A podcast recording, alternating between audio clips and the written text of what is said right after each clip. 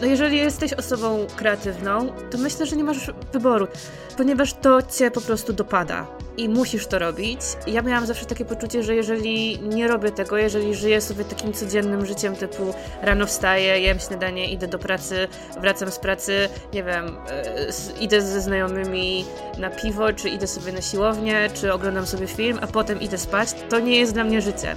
I nie chcę krytykować nikogo, jeżeli komuś to sprawia wielką satysfakcję i, i, i uszczęśliwia. Natomiast e, no, dla mnie to ja się czułam jakby, czułam wielki brak.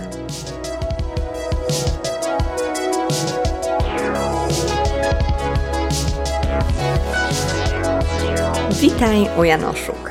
W podcaście, w którym rozmawiamy o mrokach i urokach kreatywnego myślenia i działania. Ja nazywam się Ula Janoszuk i pomagam Ci kreatywnie rozbłysnąć. Dziś moją internetową kuchnię odwiedziła Marta Dziok-Kaczyńska, ale możecie ją znać z internetu także pod pseudonimem, a może przede wszystkim pod pseudonimem Riena Hera. Cieszę się Marta bardzo, że, że Cię mogę dzisiaj powitać w tej um, kuchni wirtualno-zdalnej. Dzięki za zaproszenie. I e, dzisiaj będziemy sobie rozmawiać w drugiej części na temat, który bardzo mnie ekscytuje, bo przypomnę dla tych, którzy nas i które nas słuchają po raz pierwszy albo nie pamiętają, że pierwsza część naszej rozmowy polega na zadaniu ci dokładnie tych samych pytań, które zadaję wszystkim osobom, które odwiedzają tę kuchnię, no a temat drugiej wybiera osoba, która mnie odwiedza i jestem bardzo, bardzo, bardzo podekscytowana, e, że dzisiaj tym tematem będzie Twoja książka i bardzo się cieszę, bo jest to mm, proces, który obserwowałam, wydaje mi się, że od początku, ale oczywiście musimy zacząć od formalności, czyli od pierwszej Jasne. części i od pytania, kim jesteś. To jest takie pytanie, którego chyba wszyscy się boją, jak siedzą na jakichś takich e, pracowych spotkaniach, czy studyjnych, czy, czy w ogóle w nowej grupie. E, masz przedstawić siebie, e, mówiąc to, co ty uważasz za ważne. I teraz, czy inni cię wyśmieją, czy nie. Tak. Więc e, spróbuję e, pójść tak, e, no takimi formalnościami, żeby jednak nie wszyscy od razu mnie wyśmiali, bo czuję też taką tremę. czuję się, jakbym miała znowu 15 lat, jestem w liceum i przedstaw się. Tak. dobrze, więc Um, mam 35 lat, um, mieszkam w Wielkiej Brytanii od 19 roku życia. Um, tutaj studiowałam, skończyłam e, historię i e, filmoznawstwo. Mhm. E, po czym e, pracowałam w sprzedaży i w reklamie w brytyjskiej prasie. No oprócz tego jestem od wielu lat blogerką tak na obecnym blogu Rienna Hera od chyba 14 czy 15 um, lat, natomiast mój pierwszy blog stworzyłam jako 14-latka, mm-hmm. więc w tym internetowym świecie jestem od bardzo dawna, właściwie od początku takich, no nie wiem, po, od początku takiego boomu na to, co się dzieje um, w sieci i, i, przechodzenie tego w świat, e, w świat bardziej um, tradycyjny, czyli mm -hmm. w mhm. media. Um, znałam, z, czytałam autorów pierwszych e, książek blogowych, zanim zostali autorami. E, wiele osobistości, e, które potem stały się autorytetami, też czytałam od, od początku e, i gdzieś tam sobie na obrzeżach tego świata byłam. Um, no, oprócz tego um, teraz e, wydaję książkę, którą też wymyśliłam mając te kilkanaście lat, e, więc jest to absolutnie spełnienie marzenia. No, oprócz tego mieszkam sobie z moim mężem, z którym też jestem od od no, końca gimnazjum, więc od, od, czasu, kiedy ta książka e, w mojej głowie była, to on mniej więcej mi towarzyszy. I Super. z dwiema córeczkami. Super, um, cudownie. Także chyba to jest, to jest wszystko, co mi przychodzi do głowy w tej chwili, kim jestem. Jasne. Strasznie mi się podoba właśnie, e, że poruszyłaś też ten temat mm, e, bycia w internecie, zanim jeszcze to wszystko się gdzieś tam e, zaczęło. Ja też myślę, że nie czytałam autorów, którzy później byli popularni, ale też pamiętam tworzenie blogów na, na blogspocie, ale też na blog Onecie kiedyś się robiło te blogi. Ja jeszcze miałam na blog.pl. O, blog.pl, to ja, to, to, to, to mnie to y, nie, nie dotknęło. Y, no ja miałam ograniczone właśnie korzystanie z internetu w podstawówce do dwóch godzin. Wiadomo, wiadomo. No, ale, ale tak, uwielbiałam właśnie też e, tych blogów, właśnie gdzieś tam takich, takich mini bloczków, które właśnie były mm, o moich nastoletnich przemyśleniach też tam e, było sporo i to tak się właśnie coraz kolejne, coraz kolejne tworzyły, dopóki właśnie nie zaczęłam nagrywać podcastu i to rzeczywiście jest taki, e, takie działanie w internecie, które najdłużej w moim życiu prowadzę. Jestem w nim um, najbardziej zanurzona i nie zrezygnowałam z niego po roku, więc jestem mm. zaskoczona, ale, ale tak rzeczywiście to takie przechodzenie przez te różne stadia mm, blogowania też mam ze sobą, więc jest to jakiś taki duży, duży mój sentyment. Kiedyś, te, kiedyś też robiłam e, szablony dla innych e, blogów, gdzie w ogóle nie miałam pojęcia, że istnieje coś takiego jak prawo autorskie, nie? I dopiero no, nikt później nie miał, się to Nikt nie miał pojęcia. Jak miałam 14 lat, to brałam pracę mojej ulubionej um, artystki i sama jakoś HTML-em sobie próbowałam je wklepywać. Tak. Oczywiście miały one znaki wodne i w ogóle to było absolutnie na nielegalu. Um, no ale tu nie wiedzieliśmy, tak? Tak, nie wiedzieliśmy. Um, nauczyliśmy, się, nauczyliśmy się tego e, z biegiem lat. Nie wiedzieliśmy też, że oglądanie streamingu nie jest okej. Okay. E, tak. To znaczy streamingu, oczywiście nie mam na myśli Netflixa i tak dalej, ale streamowanie z jakichś dziwnych chińskich i rosyjskich serwisów, no tak. to było na porządku dziennym, bo, tak. no, bo nie było innej możliwości po prostu. Tak, pamiętam jak właśnie jeszcze gdzieś w latach e, gimnazjalno, pewnie, najbardziej gimnazjalnych, ale pewnie jeszcze może nawet licealnych, gdzieś tam właśnie na takich streamingach oglądałam pamiętam bardzo dobrze, że anime, no ale właśnie fajnie, że teraz też ten, ten blog, którego stworzyłaś na początku szafiarski, ale teraz poruszający wiele takich, myślę, ważnych dla nie tylko dla Ciebie, ale też dla osób, które Cię odbierają tematów, które są związane po prostu z życiem, z tworzeniem. Mhm. E, fajnie, fajnie, że, fajnie, że w tym zostałaś, fajnie, że możemy Cię e, czytać i, i też oglądać na Instagramie. Mm, a powiedz, od kiedy działasz kreatywnie i kiedy zdałaś sobie z tego sprawę? Tutaj jest oczywiście kwestia zdefiniowania kreatywności, mm -hmm, tak? Mm um, ja to rozumiem przez w ogóle tworzenie czegokolwiek, um, mm -hmm. czegokolwiek nowego i dla mnie kreatywny tak samo może być, nie wiem, lekarz, um, jak, nie wiem, jakiś e, naukowiec, nauczyciel, każdy może być kreatywny. Pełna zgoda. E, więc to nie, nie tylko chodzi o to, że, że ktoś musi tworzyć jakąś sztukę, literaturę, coś e, takiego artystycznego, czy nie wiem, muzykę i tak dalej, i tak dalej. E, możesz być kreatywnym kucharzem na przykład. Tak.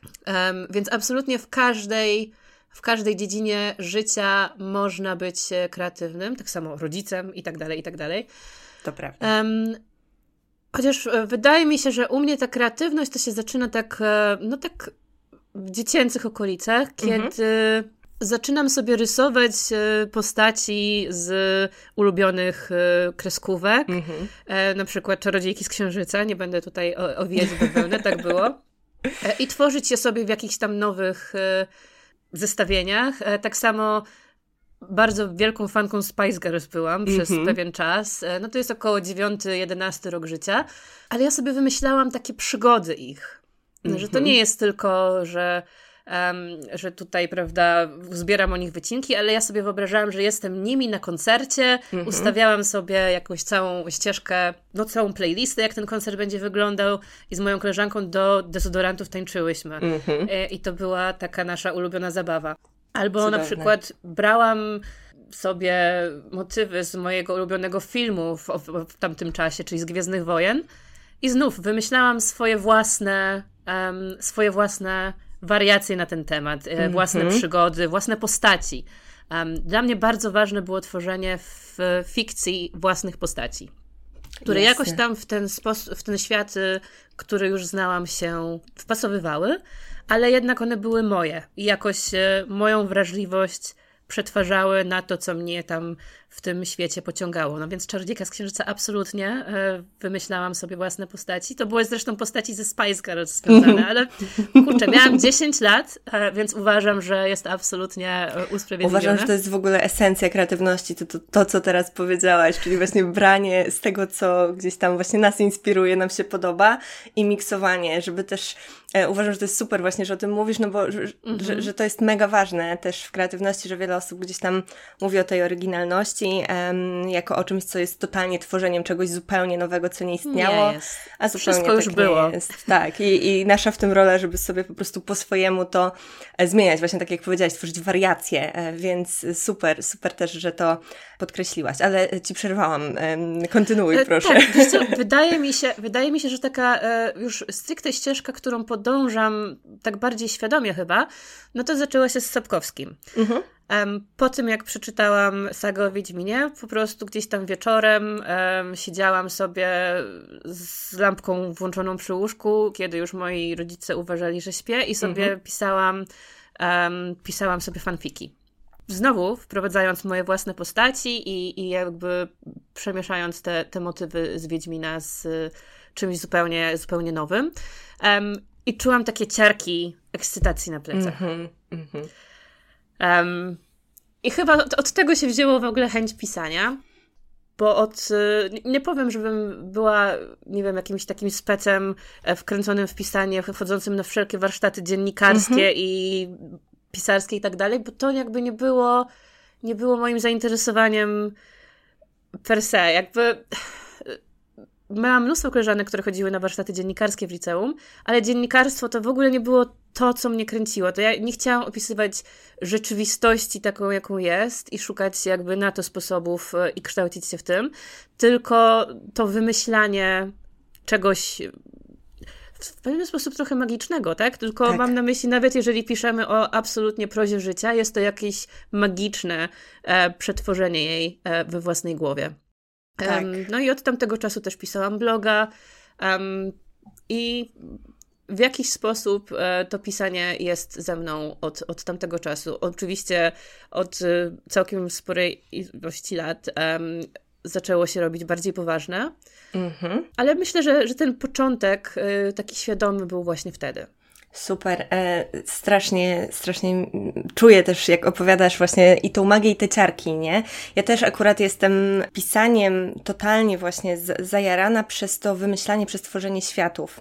E, ja też nigdy nie myślałam o, o dziennikarstwie, nawet jak tak się mówiło, że ja też gdzieś tam od gimnazjum e, zaczęłam poważniej myśleć o tym, że mogłabym pisać. Zawsze gdzieś ta kreatywność mm, w, właśnie też w tym wymyślaniu. E, jak byłam dzieckiem też uwielbiam po prostu sobie, nie wiem, chodzić gdzieś po ogródku czy po plaży i po prostu sobie wymyślać historię, nie? Że to była moja tak. ukochana, absolutnie ukochana zabawa, nie jakieś tam, nie wiem, lalki, klocki, cokolwiek, jakby właśnie to wymyślanie. Oczywiście lubiłam jakieś tam Lego Creative, tworzenie biżuterii z jakichś takich śmiesznych pianek, ale to właśnie to, to wymyślanie, albo nie wiem, jadę, z, mam takie właśnie silne wspomnienie, jadę sobie em, z tatą samochodem i e, on puszcza Iron Maiden, i, a w mojej głowie po prostu historie się tworzą same, nie? Po prostu tak, pod wpływem też tej, tej muzyki. Muzyka ma wielki, wielki wpływ, będę zresztą o tym niedługo e, pisać na blogu, e, o tym, że w ogóle pewne wątki w mojej, w mojej książce pochodzą z emocji, które wywołała u mnie muzyka. Mm-hmm,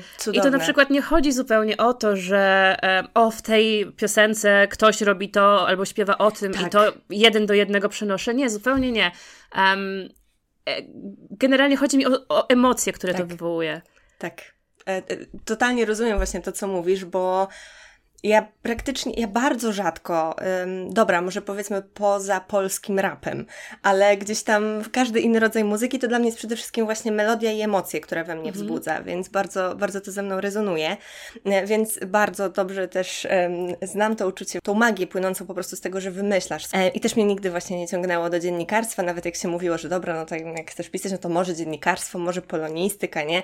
Jakoś zupełnie mnie w tę stronę nigdy nie ciągnęło, bo to nie było to, co mnie interesowało. Ostatecznie śmiesznie, śmiesznie to wyszło, no bo jednak poszłam na doktorat, gdzie piszę w jakiś sposób o rzeczywistości, bo piszę antropologiczno-kulturoznawczy doktorat o praktykach twórczych kobiet, takich z mhm. pogranicza mm -hmm. codzienności i sztuki. Rzeczy typu patchwork, typu kolaż też, no różne, różne. W każdym razie takie e, no bliższe rzeczywistości tematy, natomiast cały czas gdzieś tam blisko tego procesu twórczego, ale nic nie daje mi też takiej satysfakcji, jak właśnie to, co powiedziałaś, czyli to wymyślanie, nie? Wymyślanie światów i, i to jest przecudowne. No właśnie, jak e, mówisz, że piszesz, e, jesteś w, w dziedzinie antropologii, to z mojego punktu widzenia um, dla pisarza właśnie lepiej jest nie być po polonistyce czy jakiejś mm -hmm. lingwistyce, tylko no ja skończyłam historię i filmoznawstwo. To filmoznawstwo było takim trochę, no takim bardziej praktycznym spojrzeniem na to, jak się opowiada historię, mhm. ale historia jako przedmiot jest no po prostu historią, tak? To jest opowiadanie historii.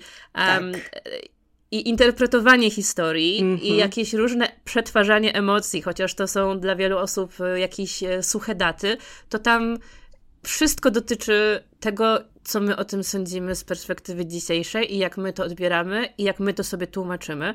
E, I więc paradoksalnie myślę, że dla, dla pisarza jakiegokolwiek i twórcy lepiej jest mieć um, no jakieś takie doświadczenie właśnie zupełnie z, z nie, nie, nie bezpośrednio odnośnie, wiesz, pisania tego, jak, jak mają zdanie za zdaniem wyglądać e, tak. w, w, powieści, tylko coś, z czego możesz czerpać.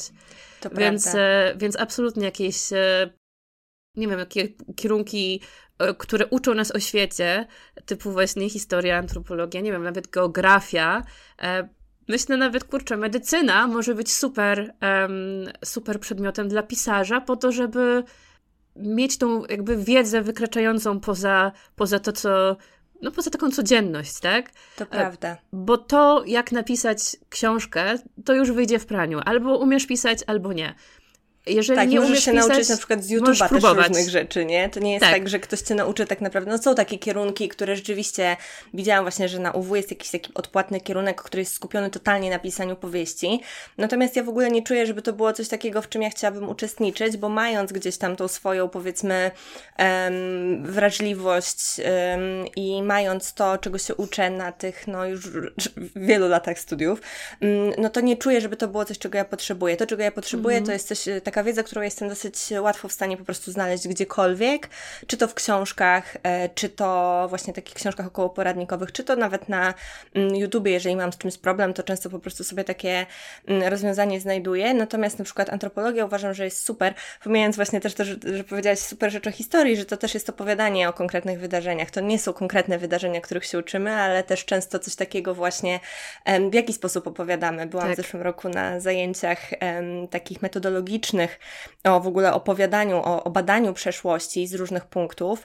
E, I e, to, co było dla mnie bardzo ciekawym odkryciem, no właśnie też rozmowy chociażby o muzeach narracyjnych, które -hmm. też w mhm. konkretny sposób, jak chociażby Muzeum Polin, Muzeum II wojny światowej, Muzeum Powstania Warszawskiego, że to też jest przedstawianie historii na bardzo konkretne sposoby, więc to też jest coś takiego, co myślę, że um, może tak e, podskórnie fajnie nauczyć nas tego, jak konkretne historie, z jakich punktów, jak to w ogóle działa. Nie myślałam o, ty, o tym w ten sposób dopóki, w sensie nie aż tak wyraźnie mm, po tym, zanim tego nie powiedziałaś. Mm, no ale antropologia jest o tyle fajna, że ona też bardzo uwrażliwia w ogóle na ludzi i bardzo uwrażliwia na Mm, dużo takich niuansów związanych po prostu e, z tym, jak, jak wyglądają też konkretne na przykład procesy u konkretnego człowieka, jak chociażby właśnie tworzenie. I u mnie to był dosyć duży przeskok właśnie z kulturoznawstwa, które jest takie mocno teoretyczne, do właśnie antropologii, która jest bardzo bliska człowiekowi e, i strasznie się z tego cieszę, bo to po prostu wynikało ze zmiany promotora w trakcie doktoratu. Mhm. A swoją drogą też jak powiedziałaś o medycynie, to e, mój promotor jest i lekarzem medycyny ratunkowej i antropologii antropologiem i bardzo tak. gdzieś te obie sfery mu się przeplatają. E, także e, myślę, że to jest fajne spojrzenie. No Stanisław Lem był lekarzem, tak? E, no Więc, właśnie. No a jest to absolutnie, uważam, jeden z, z najwybitniejszych polskich pisarzy w ogóle i um, no i znowu, i, i stworzył coś, co co było nową jakością w polskiej literaturze. Mhm. Wziął gatunek, e, który jest o e, statkach kosmicznych, tak, i, i e, wylatywaniu w kosmos i tak mhm. dalej i stworzył z tego absolutnie opowieść o człowieku i najwyższej klasy literaturę. Tak, tak. więc da się. Tak, i to też myślę, że jest takie um, może trochę pocieszające i dodające otuchy, bo ja miałam taki moment, e, kiedy i nie wiedziałam, co mam w życiu robić, na jakie studia mam iść i to było rzeczywiście dla mnie dosyć trudne i wydawało mi się to takie bardzo ostateczne, nie? Ten wybór właśnie, czy studiów, czy czegokolwiek, um, ale tak naprawdę uważam, że, że ta droga, którą przechodzę cały czas um, i właśnie to, że i gdzieś tam zaczynałam na studiach ścisłych, później byłam na humanistycznych, bo zmieniłam i tak dalej, i tak dalej, że wszystko to czegoś mnie właśnie nauczyło. E, więc warto patrzeć po prostu nie na to, czego nie mamy, czyli na przykład nie mamy, nie wiem, wykształcenia polonistycznego, mhm. e, tylko po prostu na to, co daje nam mm, to ta nasza droga, którą przechodzimy, bo uważam, że absolutnie to jest cudowne, że możemy korzystać z, ze swoich doświadczeń w pisaniu, też takich doświadczeń, które wydają się z pozoru zupełnie gdzieś tam e, nieprzystające. Więc mam nadzieję, że to e, też osoby, które gdzieś tworzą, a na przykład nie są wykształcone w, w tę stronę, że to też może e, trochę pociesza i dodaje odwagi, bo naprawdę można. Wiesz co, jak już e, poruszyłaś ten temat, to e, ja generalnie po studiach nie pracowałam nigdy w zawodach związanych ani z filmoznawczą, ani z historią. Mhm. Natomiast e, do dzisiaj w pisaniu wykorzystuję doświadczenia, które nabyłam w, w pracy w reklamie. Super. I to nie była na zasadzie, ja nie pracowałam w reklamie, nie wymyślałam kampanii marketingowych typu, mm, no nie, nie byłam copywriterem ani nikim takim, mhm. ja byłam sprzedawałam plany medialne. Mhm. Um, I tym się zajmowałam, więc to było takie trochę, no naj, powiedzmy najmniej kreatywny, kreatywny dział reklamy, e, jaki istnieje, natomiast niezwykle ważny dla, e, dla prasy i, i jakichś portali, no bo generalnie sprzedaż e, zapewnia ich egzystencję. Tak. Natomiast miałam okazję na przykład być na różnego rodzaju przyjęciach, galach, bankietach w związku z tym. Mm -hmm. I to doświadczenie wykorzystuję w pisaniu, no bo ja znam jakby, wiem jak to wygląda, mm -hmm. wiem jak się ludzie wtedy zachowują, wiem jaka jest mechanika tych, e, tych wydarzeń, więc mogę to wykorzystać podczas swojego pisania. Ale też nawet samo bycie w biurze jest e, no, z takiego antropologicznego jakby, czy socjologicznego punktu widzenia jest absolutnie pasjonujące, ponieważ te stosunki międzyludzkie tak. um, są niezmienne właściwie od, od stuleci, tylko nam się troszeczkę środowiska zmieniają. Mhm. E, ja pisałam generalnie pracę magisterską z, z kultury dworskiej i tego, czy dwór Ludwika XIV można porównać do wcześniejszych dworów, czy te same mechanizmy na nich działają. Um, no i generalnie pisząc tą pracę zdałam sobie sprawę później, to znaczy po napisaniu tej pracy zdałam sobie sprawę, będąc w biurze, e, pracując w biurze, że te stosunki wyglądają od wieków tak samo. Kurczę, Mechanizmy, super. które działały na dworze, działają dalej w biurach, korporacjach i tak dalej. E, tylko inaczej e, nazywamy siebie, tak? Nie jesteś już e, czyjąś damą dworu, ani czyimś kanclerzem, tylko -hmm. jesteś, nie wiem, ktoś tam jest twoim project managerem i tak, tak. dalej, i tak dalej, tak? Zmieniły nam, się, zmieniły nam się tytuły, ale nasze funkcje i jakby to, jak się do siebie odnosimy w tym e, i do tej całej, jakby do tego całego systemu, całej struktury, jak się w nim odnajdujemy, no to, to jest jakby stałe. Super. No właśnie, to jest niesamowite, że, że takie obserwacje i w ogóle też myślę doświadczanie um, różnych rzeczy, że to nawet nie chodzi o konkretne wykształcenie, ale też właśnie to, czego możemy doświadczyć, czy właśnie mhm. ucząc się czegoś, czy pracując gdzieś, to jest, to jest cudowne, że to można właśnie wykorzystywać. Myślę, że to jest też takie fajne w pisaniu, że jednak jest to gdzieś, tak jak powiedziałaś, opowiadanie, e, a do mhm. tego opowiadania też te nasze doświadczenia fajnie, fajnie się przydają i potrafią bardzo pogłębić w ogóle to, co piszemy. Właśnie, nie pamiętam, czy to Neil Gaiman powiedział, czy Stephen King, że ktoś do niego przyszedł um, ze swoim pisaniem kiedyś i poprosił o radę i nie wiedział jakby, że coś w tym pisaniu nie gra, ale nie wiedział mm -hmm. co. Mhm. E, no i wtedy Wydaje mi się, że to był Neil Gaiman, ale nie daje sobie ręki uciąć. E, I wtedy y, spojrzał na, na to pisanie i powiedział, wiesz co, zostaw to na kilka lat mm -hmm. i po mhm. prostu żyj. Tak. Um, I potem okazało się, że rzeczywiście po tych kilku latach ta osoba, która miała zupełnie doświadczenia z innych dziedzin, um, była w stanie coś pisać, bo coś przeżyła. Tak, tak, tak. No właśnie, i to też jest coś takiego, co ja myśląc o tej 14-letniej Uli, która też już um, próbowała pisać powieści i to nawet z niezłym skutkiem, bo rzeczywiście doprowadzała je do końca. Jakby ja, ja widzę, nie? W sensie wtedy to było dla mnie szczyt totalnie, nie, nie widziałam niczego więcej, a teraz mając te doświadczenie, te 10, kilkanaście lat później, ja czuję, że, że po prostu no, to jest coś, czego nie da się przejść po prostu. Że to jest coś takiego, co pisanie bardzo mocno z tym życiem naszym i naszym doświadczeniem e, się przekształca i oczywiście też nie ma e, w tym nic złego, to jest naturalne, nie? że w pewnym momencie naszego życia po prostu jak się zdecydujemy pisać, no to fajnie i, i jak to opublikujemy, super. No ale to też jest naturalne, że 10, 15 30 lat później byśmy napisały, napisali to zupełnie inaczej, więc um, to jest bardzo, bardzo ciekawe w ogóle właśnie ten wpływ doświadczenia na pisanie. Um, przechodząc do kolejnego pytania, bo już widzę, że się bardzo rozgadujemy, ale myślę, że to jest y, super i e, gdzieś tam w tę stronę właśnie Twojej książki idziemy mimowolnie, więc... Y, dojdziemy, dojdziemy. E, a w, więc w końcu tak, w końcu, w końcu dotrzemy do drugiej części, ale teraz pytanie, dlaczego zdecydowałaś się korzystać z kreatywności w swoich działaniach? Myślę, że tutaj powiem krótko. E, no jeżeli jesteś osobą kreatywną, to myślę, że nie masz wyboru tak naprawdę. Tak. E, ponieważ to cię po prostu dopada. E, I musisz to robić. I ja miałam zawsze takie poczucie, że jeżeli nie robię tego, jeżeli żyję sobie takim codziennym życiem, typu rano wstaję, jem śniadanie, idę do pracy, wracam z pracy, nie wiem, idę ze znajomymi na piwo, czy idę sobie na siłownię, czy oglądam sobie film, a potem idę spać, to nie jest dla mnie życie. I nie chcę krytykować nikogo, jeżeli komuś to sprawia wielką satysfakcję i, Pewnie to też jest okej. Okay. uszczęśliwia. Natomiast e, no, dla mnie to ja się czułam jakby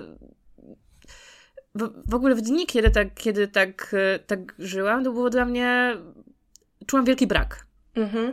I teraz, e, czy to dla kogoś jest wiem, rysowanie, czy tworzenie muzyki, czy szycie, czy gotowanie, czy dla mnie to było pisanie, e, no to już jest inna kwestia, ale ja po mhm. prostu czułam, że jest coś więcej niż e, to praca od dziewiątej do piątej um, i ogarnięcie mieszkania i pójście spać. Tak, ja totalnie, totalnie się z tym, totalnie się z tym zgadzam. E, coś chciałaś jeszcze dodać? Przerwałam nie, ci? Nie, nie, nie, po prostu wydaje mi się, że to jest, to jest też tak trochę z pisaniem, że dużo osób pyta na przykład, jak zacząć pisać, um, czy ja się nadaję do pisania, -hmm. bo jak patrzę na twoje pisanie, to mi się wydaje, że też tak mogę i ja się nie uważam za jakąś nie wiadomo jak utalentowaną osobę, e, ale zawsze jak to czytam, to takie mam trochę ukłucie na zasadzie, ale to po co mnie o to pytasz? Tak. Jakby, jeżeli chcesz to robić, to musisz to robić. Albo po prostu siądź i zacznij, bo jakby ani ja nie czekam na pisanie osoby, która pierwszy raz jakby się do mnie odzywa, nic o niej nie wiem, nie znam jej. Tak ani świat nie czeka na, na ka opowieść każdego człowieka. To jakby prawda. To jesteś ty.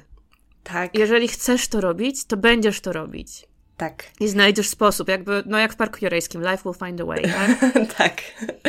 E, to, jest, e, to jest w ogóle mega, mega ważne. E, że mm, no właśnie, nie będąc y, popularną, opublikowaną autorką, no to nie jest tak, że ktoś ci, a, a, że ktoś będzie czekał właśnie, tak jak mówisz, na to, co mhm. piszesz, ale też nie jest tak, że ktoś da ci pozwolenie na to, żeby pisać. Dokładnie. nie, nie, nie ma nie zabrania. opcji. Nikt, tak, dokładnie, nikt ci nie zabrania. E, I ja właśnie miałam różne rzeczy, które w życiu gdzieś tam około kreatywnie robiłam, ale właśnie pisanie było czymś takim, co do mnie wracało. Mhm. I czymś takim, co niezależnie od tego, co ja robiłam, e, czy zajmowałam się w danym momencie hobbystycznie, nie wiem, malowaniem, czy zajmowałam się y, robieniem kolarzy, czy czymkolwiek, po prostu robiąc to dla siebie. Oczywiście to, e, że, że w tym też potrafiłam się jakoś tam za mocno cisnąć, to inna sprawa. Natomiast em, też mam takie zdanie, że jeżeli jest coś takiego, co do Ciebie wraca i taki rodzaj twórczości, który do Ciebie wraca, jakby jedynym sposobem na to, żeby się dowiedzieć, czy to rzeczywiście jest dla Ciebie, to po pierwsze sprawdzić, czy w ogóle tryb życia, e, który mhm. się z tym wiąże i e, codzienność, która się wiąże z wybraniem danej ścieżki, no właśnie też często wybraniem tej ścieżki obok tego prowadzenia życia, e, czy pracy, czy rodziny, czy czegokolwiek, no dopóki tego nie zrobisz, to nie będziesz wiedzieć, czy w ogóle jakby podoba Ci się sama wizja bycia tak. pisarką, tak. czy podoba Ci się samo pisanie w sobie. ale też ostatnio miałam mocny przeskok właśnie związany z terapią, w którym bardzo mocno zmieniło mi się podejście, bo ja zawsze miałam takie wielkie marzenie, żeby niezależnie co robię, wpływać na ludzi, że mhm. gdzieś tam tym punktem odniesienia byli ludzie, e, poruszanie ich, pomoc im, wpływanie na nich. Natomiast tak naprawdę ostatecznie chodzi w tym wszystkim o mnie i chodzi o to, żeby to mi sprawiało przyjemność i żebym to ja po prostu na co dzień, siadając do pisania, mm, czuła radość, czuła ekscytację, e, no bo tak jak mówisz, nikt na to nie czeka i tak. jeżeli ja tego nie zrobię, to też nikt nie będzie mógł w przyszłości potencjalnie czekać, jeżeli to jest coś, czego bym chciała. Ale zdecydowanie to uważam, że zadawanie takich pytań, czy moje pisanie ma sens, nie ma sensu. Tak, dokładnie. E, bo, bo ja to, nie wiem. Bo, bo, bo, nikt tego nie wie oprócz ciebie.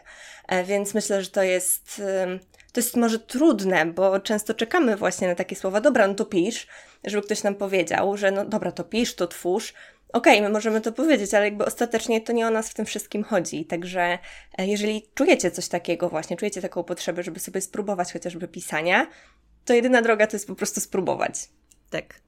E, no i też jakby z tego punktu wszelkie stwierdzenia, że no ja też bym mogła pisać tak jak ty, czy ktoś to tam. Jest straszne. E, albo na przykład, nie wiem, stwierdzenie, że o, ktoś tam, nie wiem, zarabia w internecie na pokazywaniu siebie, wyginaniu się przed kamerą, ale nikt nie zabrania innym ludziom robić tego samego. Dokładnie. Totalnie każdy może to zrobić. Dokładnie. Można założyć sobie konto, e, zajmuje to kilka minut i możesz wrzucać swój content i możesz tak samo zarabiać e, jak tam, nie wiem, e, influencerki i tak dalej.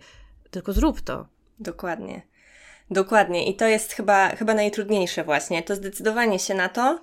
Mm, no ale właśnie, to jest jedyna droga, żeby rzeczywiście się przekonać. Poza tym też, no, tak z zewnątrz te rzeczy wyglądają łatwo. Te rzeczy wyglądają jak, nie wiem, no zrobienie sobie foty przed lustrem, e, usiądzięcie do pisania e, codziennie. Ale to jest tak cholernie trudne i to ma tak wiele warstw, które w ogóle tak, dopóki się tego nie zacznie robić, to nie widać, co się z tym wiąże, e, mhm. że naprawdę no, łatwo jest mówić, ale jeżeli chodzi o realizację, no to, to, to jest zupełnie inna bajka i deprecjonowanie czyichś um, no, bo to tak trochę właśnie to, co powiedziałaś, mi się kojarzy właśnie z takim umniejszaniem w ogóle temu, że dobra, ty robisz coś takiego, co mógłby robić każdy. Okej, okay, to niech to zrobi, nie? Tak zrobi, tak samo jak tak. z malowaniem abstrakcyjnym. No, że to może zrobić dziecko. Okej, okay, to ty też możesz tak malować, też możesz próbować robić te rzeczy. Um, więc to zupełnie moim zdaniem e, nie ma sensu i warto po prostu się przekonać samemu, czy coś takiego jest dla nas i czy rzeczywiście jest to tak proste, jak nam się z zewnątrz wydaje. Jasne. E, nie, no totalnie się zgadzam i na przykład mam takie przemyślenia um, związane na przykład z Tate, e, z galerią Tate e, mhm. w, w Londynie, że wchodzisz tam, no i okej, okay, stwierdzasz, że mnóstwo tych rzeczy mogłabyś zrobić sama. Tak. tak, ale na przykład ktoś to zrobił 50, 60 lat temu. Dokładnie. Teraz jest już to dla nas oczywiste, tak? I nie wywołuje żadnej sensacji, ale wtedy było to złamanie jakiejś reguły. Um, I to, to było więc... odkrywcze, nie? I to było coś tak, nowego tak, i coś, co wymagało często nawet jeżeli nie umiejętności, chociaż bardzo często artyści abstrakcyjni mieli te umiejętności, mm -hmm. to po mhm. prostu jakiegoś pomysłu, odwagi, e, która nie zawsze się spotykała z takim o wow, ale to jest y, cudowne, nie? Tak, i na przykład e, dla mnie takim sztandarowym przykładem tego e, jest e, International Climb Blue. To jest obraz, który jest po prostu, chyba jest ich sporo całkiem. Tak, Jest po chyba, prostu chyba niebieski. Tak. tak. Jest po prostu jest Konkretny po prostu odcień niebieski. niebieskiego, tak, tak. Nie ma nic na nim, nic nie przedstawia. Jest to niebieska płaszczyzna, na którą moje dziecko patrzyło i powiedziało, że nie chce już patrzeć, bo się boi. O kurde. I wiecie, no, generalnie każdy może to zrobić, tak? Tylko tak. na zrób ten niebieski taki, żeby ktoś stwierdził, że nie może na to dłużej patrzeć, bo się boi, albo żeby w ogóle ta jednokolorowa płaszczyzna wywołała w tobie emocje. Dokładnie. A temu twórcy się udało. Tak, ja miałam tak właśnie z obrazem Fangora. Mm, pierwszy raz zobaczyłam go na żywo i ktoś może sobie pomyśleć, dobra, jakieś tam gradienty, kolory, nie, nic takiego. A jakby to było jedno z dzieł, które mnie poruszyło najbardziej w życiu. I ja po prostu mhm. sobie stałam i odczuwałam gigantyczną przyjemność i gigantyczne emocje po prostu ze stania przed dużym obrazem w dwóch kolorach. I, i, i właśnie, tak jak mówisz, no że to, co się wydaje proste i to, co się wydaje po prostu pomalowaniem obrazu na konkretny odcień niebieskiego, to w rzeczywistości często wymaga po prostu bardzo dużej i wrażliwości, ale też często prób i błędów i, i właśnie szukania chociażby tego odpowiedniego odcienia, więc um, nie wszystko jest takie proste, jak się wydaje. Nie, no jeżeli chcesz wypowiadać się na temat tego obrazu, to po prostu spróbuj namalować jeden. Tak. więc jeżeli ktoś u, czyta, czyta mnie i uważa, że też tak umie, to zapraszam. Niech pisze, nie? Niech pisze, nie ma problemu. Tak. Nikt nie zabrania. Dokładnie. A to jest, y, to jest niesamowite, że rzeczywiście to, co się wydaje często e, proste, to za tym też stoi bardzo dużo takiej właśnie wrażliwości co do tego, żeby zrobić to prosto. E, mhm. I to jest też dosyć duża trudność, żeby właśnie w tej, w tej prostocie, czy w tej lekkości tak naprawdę dostrzec e, ten ogrom pracy, więc myślę, że to jest trudne też dla twórców, którzy w ten sposób tworzą, ale, ale tak, warto po prostu wtedy się zastanowić być może, dlaczego tak e, i, i czy rzeczywiście bym potrafiła e, tak zrobić. Dobra, a gdzie jesteś na swojej kreatywnej drodze, a gdzie chciałabyś być?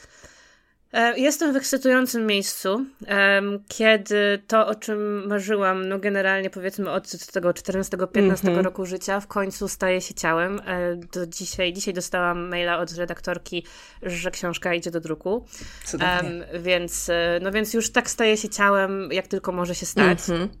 Ukoronowanie ostatnich wielu, wielu lat kreatywnej pracy e, i myślę, że chciałabym, żeby to po prostu trwało. Mhm. E, chciałabym, żeby to był początek, a nie koniec.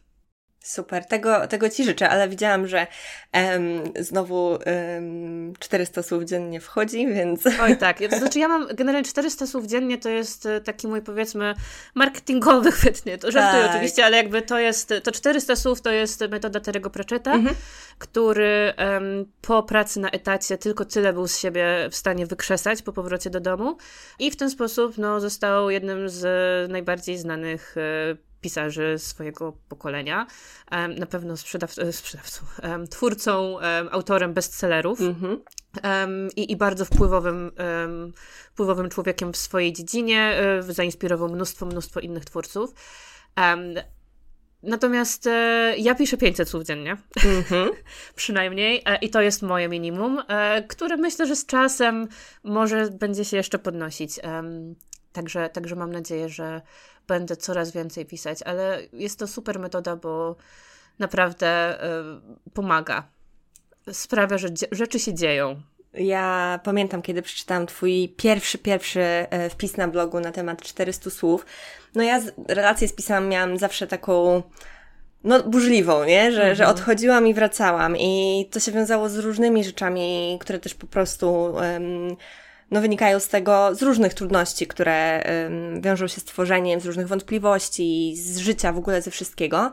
E, natomiast kilkukrotnie właśnie udawało mi się e, korzystać z tej metody i rzeczywiście jest to mm, na tyle mało słów, że da się to zrobić niezależnie w zasadzie mhm. od e, wszystkiego, ale jednocześnie to, ile one dają i, i ta regularność, ale też to właśnie poczucie sprawczości, że jesteś w stanie to zrobić niezależnie od wszystkiego e, i to, że e, się rozpisujesz, bo to też jest niesamowite, jak z czasem właśnie takiego regularnego pisania, jak dużo łatwiej te rzeczy przychodzą i jak dużo szybciej te 400 słów się pisze. Um, I rzeczywiście to jest. Um, oczywiście też są dni, kiedy się um, ledwo jest w stanie wystukać no tak, ale... kilka, ale e, jakby nie o to, to chodzi, nie? To jest naj, najważniejsze jest to właśnie pisanie. Także mm, no, także fajnie, że fajnie, że dalej właśnie idziesz tą ścieżką i, i myślę, że piękne rzeczy cię czekają. no między innymi właśnie premiera książki, kurde, super. To chyba przechodzimy do tego pytania twojego, w jaki sposób e, wygląda dokładnie, proces. Dokładnie, Dość, Ty lepiej dość, znasz te pytania niż ja, zobacz. Mam je przed sobą. Ja jestem wzrokowcem zresztą, dlatego, dlatego żeby się skupić, to czasem potrzebuję um, przed Ja też sobą... mam tutaj karteczkę, ale bardzo się cieszę, możesz po prostu zacząć opowiadać o swoim procesie. E, tak, więc myślę, że to, co wspomniałaś, burzliwa relacja z, z, pisaniem czy tworzeniem w ogóle, to jest coś, co nam się trochę wciska w ogólnie jako taką wizję twórcy, artysty, tak. czy kogokolwiek, kto coś robi z życiem, że to są takie zrywy, takie burze, takie nagle stoisz i nagle Maria Skłodowska wymyśla tak. rad, rad, a nie, że jest to jakby e, wynik e, mrówczej, codziennej pracy tak. um, i doświadczenia, które nabywasz. Um, I stąd ja nie znoszę wszelkich takich stwierdzeń, które kiedyś e, były dość popularne, jak, jak blogi jakby zaczynały być takim e, przebojem. Teraz ich, ich, jakby świetność trochę zbladła, ale był taki moment, że przecież wszyscy mhm. czytali mnóstwo blogów, e, że lepiej napisać jeden porządny tekst, ale taki porządny, jakościowy, niż napisać 10 słabszych. No ja się absolutnie, totalnie nie zgadzam. Bo po pierwsze, to, co ty uważasz za jakościowe, to jest zupełnie inna śpiewka niż to, co twój czytelnik uważa za jakościowe. Tak. Bo ja na przykład uważałam za jakościowe jakieś tam teksty, e, w których się dzieliłam wiedzą historyczną, e, czy jakieś takie długie wywody, a ktoś na przykład uznał, że jakieś moje żarty tak. E, to jest to, co jest absolutnie super i po to wraca.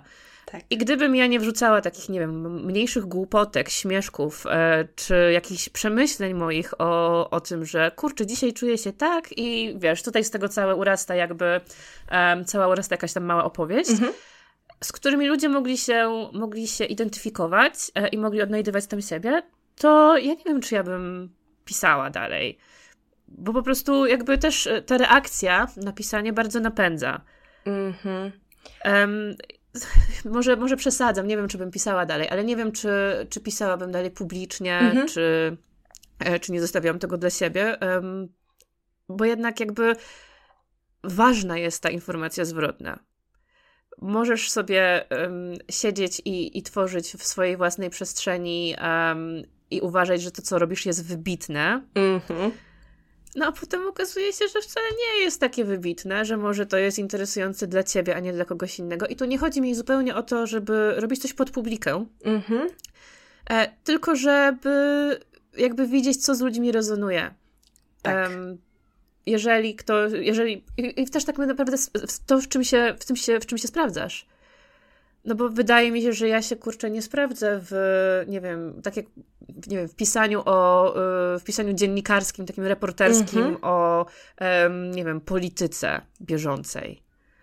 Tak. Absolutnie, absolutnie nie, nie będę tutaj uważać się za, za kogoś niezwykle zdolnego. Natomiast jeżeli chodzi o pisanie o takich emocjach ciężkich e, lub nawet takich codziennych emocjach i ubieranie ich w jakieś e, takie bardziej przemawiające do, do większych e, grup ludzi e, słowa, no to tutaj się sprawdzam, tak? I skąd mam wiedzieć, w czym jestem dobra, jeżeli trzymam się jakichś moich własnych wizji i moich wizji jakościowych tekstów. Tak. Dokładnie.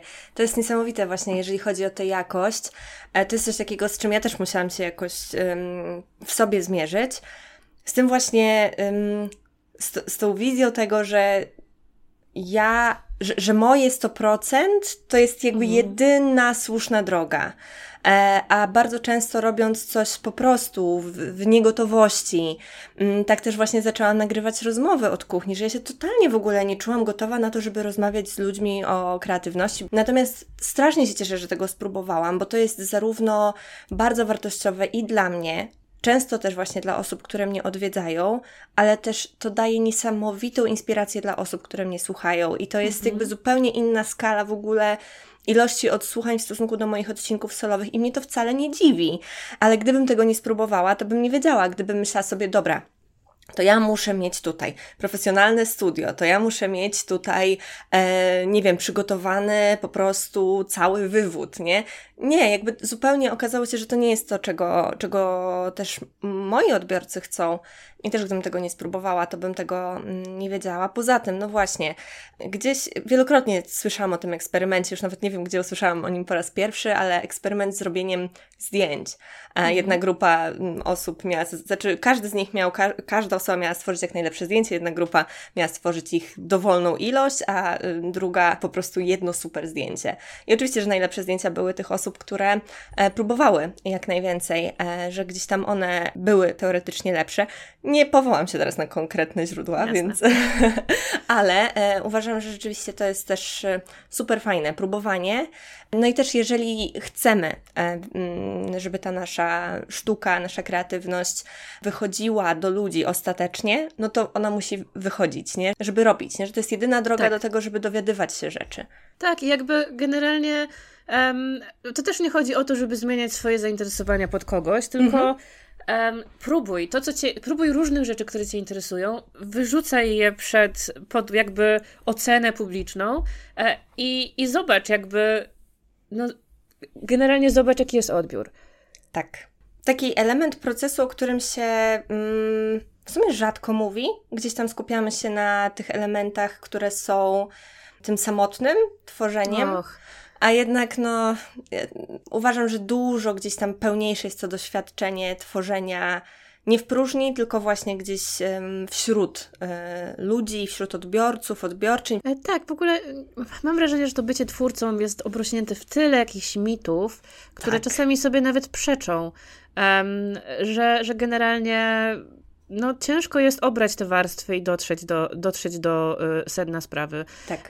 No, generalnie, że twórca to, prawda, umęczony powinien być, cierpiący. Tak. No nie wiem, jakby ja wiesz zapewne z, z, moich, e, z mojego pisania i kanałów social mediowych e, wiele lat miałam e, problemy z depresją. Teraz biorę leki i czuję się dużo, dużo lepiej. I jakby bo okej, okay, być może potrafiłam kiedyś wyrzucić z siebie jakieś niezwykle ciężkie, emocjonalne teksty, których może teraz nie czuję, mhm. ale nie byłam w stanie pracować nad tym, co chciałam tak naprawdę zrobić, mhm. bo byłam powstrzymywana przez mnóstwo lęków, brak siły, brak wiary w siebie i, i mnóstwo innych e, dookoła tego spraw. E, no więc jakby jest jakby jakieś wypośrodkowanie, tak? Musisz mieć tak. o czym pisać, ale to nie musi cię zabijać. Tak, ja w ogóle jestem wielką fanką pisania dla przyjemności, w ogóle tworzenia mm dla przyjemności, tworzenia z radości, e, z właśnie spełniania się, to, to o czym mówiłaś wcześniej, że po prostu tworzenie dawało ci, spełnienie którego nie dawało ci nic innego w takim powiedzmy codziennym życiu, że to jest taka sfera, w której no uważam, że można się naprawdę e, zdecydować na to, żeby, żeby czerpać z tego przyjemność i że to udręczenie to nie jest warunek konieczny do tego, żeby tworzyć dobre, ważne, wartościowe rzeczy. Tak, ale też jakby, e, no i mamy też taką trochę tendencję do wypaczania pewnych rzeczy ludziom, którzy są twórcami wybitnymi, tak? tak. E, co mnie obchodzi, czy wybitny malarz, czy pisarz bije żonę? No mnie obchodzi, tak. na przykład. Bo ja wiem, że są różne teorie literackie i różne podejścia do tego, natomiast uważam sama, pisząc, że to, co ode mnie wychodzi, to jest przetworzenie mnie. Tak. E, I ja mogę się odcinać od tego i uważać, że to jest tekst sam w sobie. Nie, on wyszedł z mojego mózgu. Tak. E, jest przetworzeniem tego, jak ja patrzę na rzeczywistość. I przepraszam za może brutalność, ale jeżeli ktoś jest pedofilem, to ja nie chcę czytać jego, te, jego treści. Tak. Um, ponieważ jako, jakie one są, niewy, jakie one by nie były wybitne, to dla mnie jest jest to skaza, tak? Tak. Że to wyszło z mózgu kogoś, kto działa w ten sposób, a nie inny. Mhm. E, I jakby są pewne rzeczy, które, na które możemy przymknąć oko, tak? Jakby nie chodzi o to, żeby twórca był krystaliczny. Moim ulubionym poetą na przykład jest Dylan Thomas, e, który był strasznym e, pijakiem.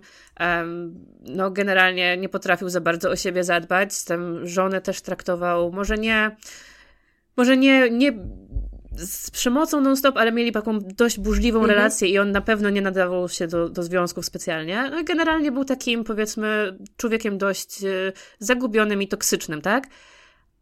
Ale to jest troszeczkę dla mnie inny kaliber niż na przykład, nie wiem, jakiś ktoś, kto byłby mordercą. Um, albo, albo jeszcze robił, no nie wiem, jakieś inne okropne, okropne rzeczy z premedytacją innym ludziom, tak? Tak. Um, więc... Tak jak mówisz, to wychodzi jakby od konkretnej osoby i gdzieś tam jest, no właśnie, czerpie, czerpie z jej doświadczeń, więc e, tak jak też cały czas dzisiaj mówimy, że to jest, to nasze doświadczenie bardzo determinuje to, co piszemy i w jaki sposób piszemy, nasza wrażliwość, nasze postrzeganie świata, nasze doświadczenia, więc y, rzeczywiście jest to coś takiego, co jest to bardzo problematyczny temat i rzeczywiście już od jakiegoś czasu widzę, że toczą się dyskusje w ogóle wokół tego, czy można oddzielić artystę od dzieła, zwłaszcza, że często, mm, nie wiem, czy to się w sumie nasiliło, czy ja po prostu to dostrzegam mocniej, takie rzeczy wychodzą. No tak, myślę, że no, sprawa Michaela Jacksona tak. E, była dość głośna. Ja akurat za bardzo nie, nie jestem w stanie ocenić, nie mam wystarczającej jakby wiadomości, niewystarczające wiadomości na ten temat. Nie jestem też taką jakby wielką fanką, mm -hmm. więc tak. mnie to jakby trochę tak obok. Jakby tak, myślę, że to inaczej, mnie... kiedy jest to osoba, którą na przykład bardzo, bardzo lubisz, której działa tak. bardzo lubisz, że to może bardzo dotknąć po prostu, kiedy się czegoś takiego mm, dowiesz. Ale no, jakby przestałam czytać niektórych twórców e, i ja wiem, że niektórzy uważają, że to jest koszmarne i że to jest kancelowanie i tak dalej, ale nie będę nigdy więcej czytać książek Marion Zimmer Bradley. Po prostu nie będę. Mm-hmm. Um, i to też po jest tym, jak rewelacje prawo, na temat wyszły. E, twoja, twój wybór i możesz, możesz to robić. Natomiast tak, myślę, że ciężko jest e, ostatecznie. Ja mam właśnie też taki duży dysonans w takich sytuacjach, że ciężko jest po prostu um, ciężko jest to oddzielić i ciężko jest myśleć o, o dziele w momencie, kiedy jednak no to nie jest zawieszone w próżni, tak jak rozmawiamy, tak. tylko jednak e, wynika z, wypływa z konkretnej osoby. A powiedz jeszcze tak, czy coś jeszcze w Twoim procesie jest takiego o czym chciałabyś e, powiedzieć, co chciałabyś dodać? Generalnie wydaje mi się, że to właśnie czerpanie z emocji mnóstwa, mhm. z mnóstwa źródeł. Um, I generalnie zapisy, może zapisywanie sobie wszelkich e, jakichś inspiracji.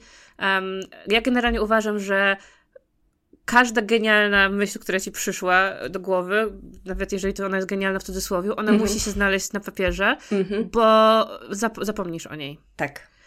Um, tak. A później ona sobie może poleżeć tam nie wiadomo ile. Ja lubię sobie też z takimi różnymi pomysłami chodzić trochę. Mm -hmm. e, więc na przykład w przypadku mojej książki um, niektóre idee się zmieniały przez lata i są obecnie zupełnie inne niż na początku, jak ja ją sobie wymyśliłam, bo też ja dojrzewałam tak. e, i też e, jakby dowiadywałam się rzeczy o świecie i o działaniu, e, działaniu ludzi, jakby jakie mechanizmy nami kierują i emocje. I byłam w stanie jakby wymyślić to lepiej. Tak. Um, co jakby jest y, zupełnie, zupełnie chyba naturalne, że, że dorastamy i robimy rzeczy inaczej niż kiedyś. Um, ale też na przykład lubię sobie z jakąś tam ideą tekstu um, czasami pochodzić, um, pomyśleć, jak to najlepiej ugryźć, chociaż są inne teksty, które piszę od razu. Na przykład coś mnie zdenerwuje, siadam, wywalam z siebie to wszystko i też jakby Kiedyś publikowałam jakby niemalże na żywo, mm -hmm. czyli kończę tekst, wrzucam go, zobaczymy, co się stanie. Um, ale już tego nie lubię robić, bo to było dla mnie też takie emocjonalnie trochę wykańczające. Um, poza tym wtedy czułam jakby, że muszę co chwila jakby ten poziom przeżywać takie emocje, tak, żeby, tak. żeby być w stanie pisać. E, teraz lubię sobie, um, nawet jeżeli taki emocjonalny tekst mam, to go sobie odstawić. -hmm następnego dnia, albo może kilka dni później, albo może tydzień później do niego wrócić, zobaczyć, co mnie tam. Um, czy wszystko to, co wtedy myślałam, ma sens. Tak. Bo jakby też to, jak patrzymy na świat, e, jest bardzo subiektywne. E, I niektóre rzeczy, które myślę w niedzielę, już w środę nie są aktualne, tak? Bo na przykład zeszły ze mnie emocje. Dokładnie, dokładnie. Właśnie to też jest, e, też e, to jest coś, czego się uczyłam w ostatnich miesiącach, że te myśli, które przychodzą mi do głowy pod wpływem emocji, to są myśli, które e, bardzo często nie są prawdziwe. Więc rzeczywiście one jakby są o tyle prawdziwe, że wynikają z tego, jak ja się czuję, ale nie tak. są prawdziwe na przykład w odniesieniu um, do tego, jaka była intencja na przykład osoby, mhm. która coś zrobiła. że to jest często coś takiego, co wynika po prostu z tego, jaką osobą ja jestem i co ja myślę, czuję o sobie i, i, i o świecie i tak dalej. No fajnie, a jak sobie tak właśnie już ten Twój tekst poleży i go opublikujesz, to jest coś takiego właśnie mm, albo chociażby właśnie w samej um, edycji i w przypadku tekstów i w przypadku książek, coś takiego właśnie jest no, no jak właśnie ten, ten etap takiego już powiedzmy dochodzenia do publikacji, jak to, jak to u Ciebie wygląda, jak w ogóle się czujesz z tymi, e, z tymi rzeczami? E, na pewno inaczej wygląda w przypadku tekstu na blog, e, mhm. czy nawet odcinku podcastu, który wypuszczam, bo dla mnie to są takie trochę notatki, one nie muszą być idealne. Tak. Tekst na blog jest de facto felietonem. Mhm więc e, wiadomo, że nie poruszę wszystkich aspektów każdego, każdego tematu, na który się wypowiadam. Um, było kiedyś, e, był kiedyś, e, no, był kiedyś taki trend, tak, że w, w, którym, w którymś momencie w blogosferze, że e, możesz wszystko, jesteś kowalem własnego losu i nawet e, wydaje mi się, że, że chwilami też tam się w niego, w niego trochę zagłębiałam. E, mhm. potem, potem poszłam w kontrę, w drugą stronę zupełnie. natomiast Często pojawiały się na przykład jakieś tam stwierdzenia w komentarzach przy jakimś tekście, że a co jeśli ktoś ma chore dzieci? Mhm. No jakby okej, okay, ja rozumiem, że, nie, że te teksty nie musiały do wszystkich trafiać i tak dalej. Do mnie dzisiaj nie trafiają na no przykład. Um, ale jakby, no jeżeli piszę o tym, co ja doświadczyłam i czuję i wiem i jakby co mi się sprawdziło, to nie znaczy, że to się sprawdzi 80-letniemu panu um, żyjącemu, nie wiem, w południowej Afryce, tak? Oczywiście. Jakby, myślę, wydaje, że nikt tego nie oczekuje i że to jest moja prawda. Um, a nie prawda o, nie wiem, doświadczeniu każdego człowieka na świecie. I mogę stwierdzić, że osobom, które są zbliżone do mnie, jak ja, powiedzmy, mają, nie wiem, warunki życia, um, jakie mają podobną wrażliwość, czy podobne, nie wiem, zdolności, e, no to im się to sprawdzi, tak? tak? A nie twierdzę, że komuś, kto ma, nie wiem, kto jest, sam jest ciężko obłożnie chory od wielu lat e, i nie jest na przykład w stanie wyjść sam z domu, um, to jakby to też nie, nie masz tego na celu, nie? Ale też są osoby, masa osób, które cię czyta właśnie z takiego tak. poziomu bliskości e, mhm. e, i, i tego, że jest to, e, że odnosi się to do ich życia też. I to m, rzeczywiście, no, to jest wystarczające i, i też nie musisz e, odpowiadać, twoje teksty, w sumie myślę, że niezależnie w sumie od tego, co piszemy. Zawsze jest tak, że te teksty, te dzieła, one nie będą odpowiadały 100% ilości osób, które będą miały z nimi styczność E, no i też nie będą się wszystkim podobały. Myślę, że to jest trudne, bo oczywiście, że chcemy, żeby to, co tworzymy, było. Ja przynajmniej tak właśnie też miałam, żeby wpływało, żeby było pozytywnie mhm. odbierane. E, natomiast myślę, że to jest też duża praca, żeby nauczyć się oddzielać e, e, i siebie właśnie w ogóle od tego, co tworzymy, ale też po prostu no, oddzielać, umieć zaakceptować to, że nie dla każdego to będzie coś, do czego będzie w stanie się odnieść, czy coś dobrego, i to też jest prawo tej osoby, żeby zrezygnować tak. na przykład z czytania czy um, obcowania z naszą sztuką w ogóle. E, I tutaj przechodzimy do Twojego następnego pytania. Tak, już zaczęłaś w ogóle mówić o tak, notowaniu tak. E, jako też Twoim e, narzędziu, bo kolejne pytanie, powiem dla osób nas słuchających, to jest jakie środki, idee, narzędzia pomagają Ci realizować kreatywne cele? Wiesz co, to ja myślałam o jeszcze następnym pytaniu, no bo myślę, że tak, te 400 słów, regularność, pisanie codziennie lub prawie codziennie, notowanie i pisanie jak najwięcej, to to mhm. są moje środki i jestem je w stanie jakby tak streścić. Super. Ale co jest najgorszym aspektem tak. kreatywności? to właśnie zaczęłyśmy mówić. Reakcja innych mhm. bywa często najgorsza. Ale też od razu chcę wyjaśnić, że ja nie mam problemu z tym, co wspomniałaś. Jakby ktoś twierdzi, to nie jest dla mnie. Nie czuję tego, e, nie identyfikuję się, zupełnie nie mam z tym problemu. Ktoś nawet jak stwierdzi, moim zdaniem ten tekst nie jest dobrze napisany. Mhm. I powie ci na przykład, no tutaj to się nie klei, ten mhm. argument tutaj nie bardzo, e, no na przykład, o tutaj w ogóle masz problemy jakieś tam z, ze składnią zdania, jakby to absolutnie biorę na klatę. Mhm to, czego nie znoszę, nie akceptuję, banuję i nie biorę na klatę, to ale ty jesteś głupia, mm-hmm. ale ty jesteś durna. Um, i, I wszelkie jakby, wszelkie jakby dookoła tego um, motywy lub na przykład robienie mi, co się zdarzało na blogu, robienie mi jakichś długich psychoanaliz Oj, na podstawie no. tekstu, który napisałam sama może w godzinę, Um, ktoś za, spędził czytając go 5 minut, mm-hmm. e, tekstu, który ma załóżmy 800 słów i ktoś mi robi z tego psychoanalizę. No matko boska, ludzie. Tak. To jest po prostu tekst, nie? I, I, on nie jest tobą, właśnie. To też jest znaczy, chyba... Inaczej, on, on wychodzi ze mnie, ale to nie jest jakby, to nie jest całe moje życie. Dokładnie, ja naprawdę... to jest wycinek, nie? Odrobina. Tak, ja naprawdę nie siedzę rano, nie i nie żyję tym tekstem. Jakby napiszę go, a potem, nie wiem, godzinę później o nim zapomnę, tak? Tak.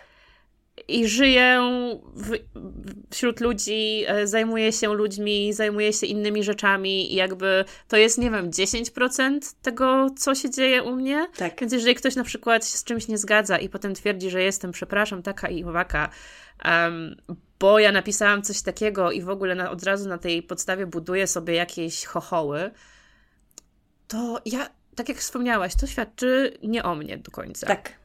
To jest czyjaś interpretacja mnie i rozumiem, że mogę kogoś drażnić i tak dalej. Natomiast e, no ja bym się zastanowiła, czy, czy to jest naprawdę mój problem. Tak.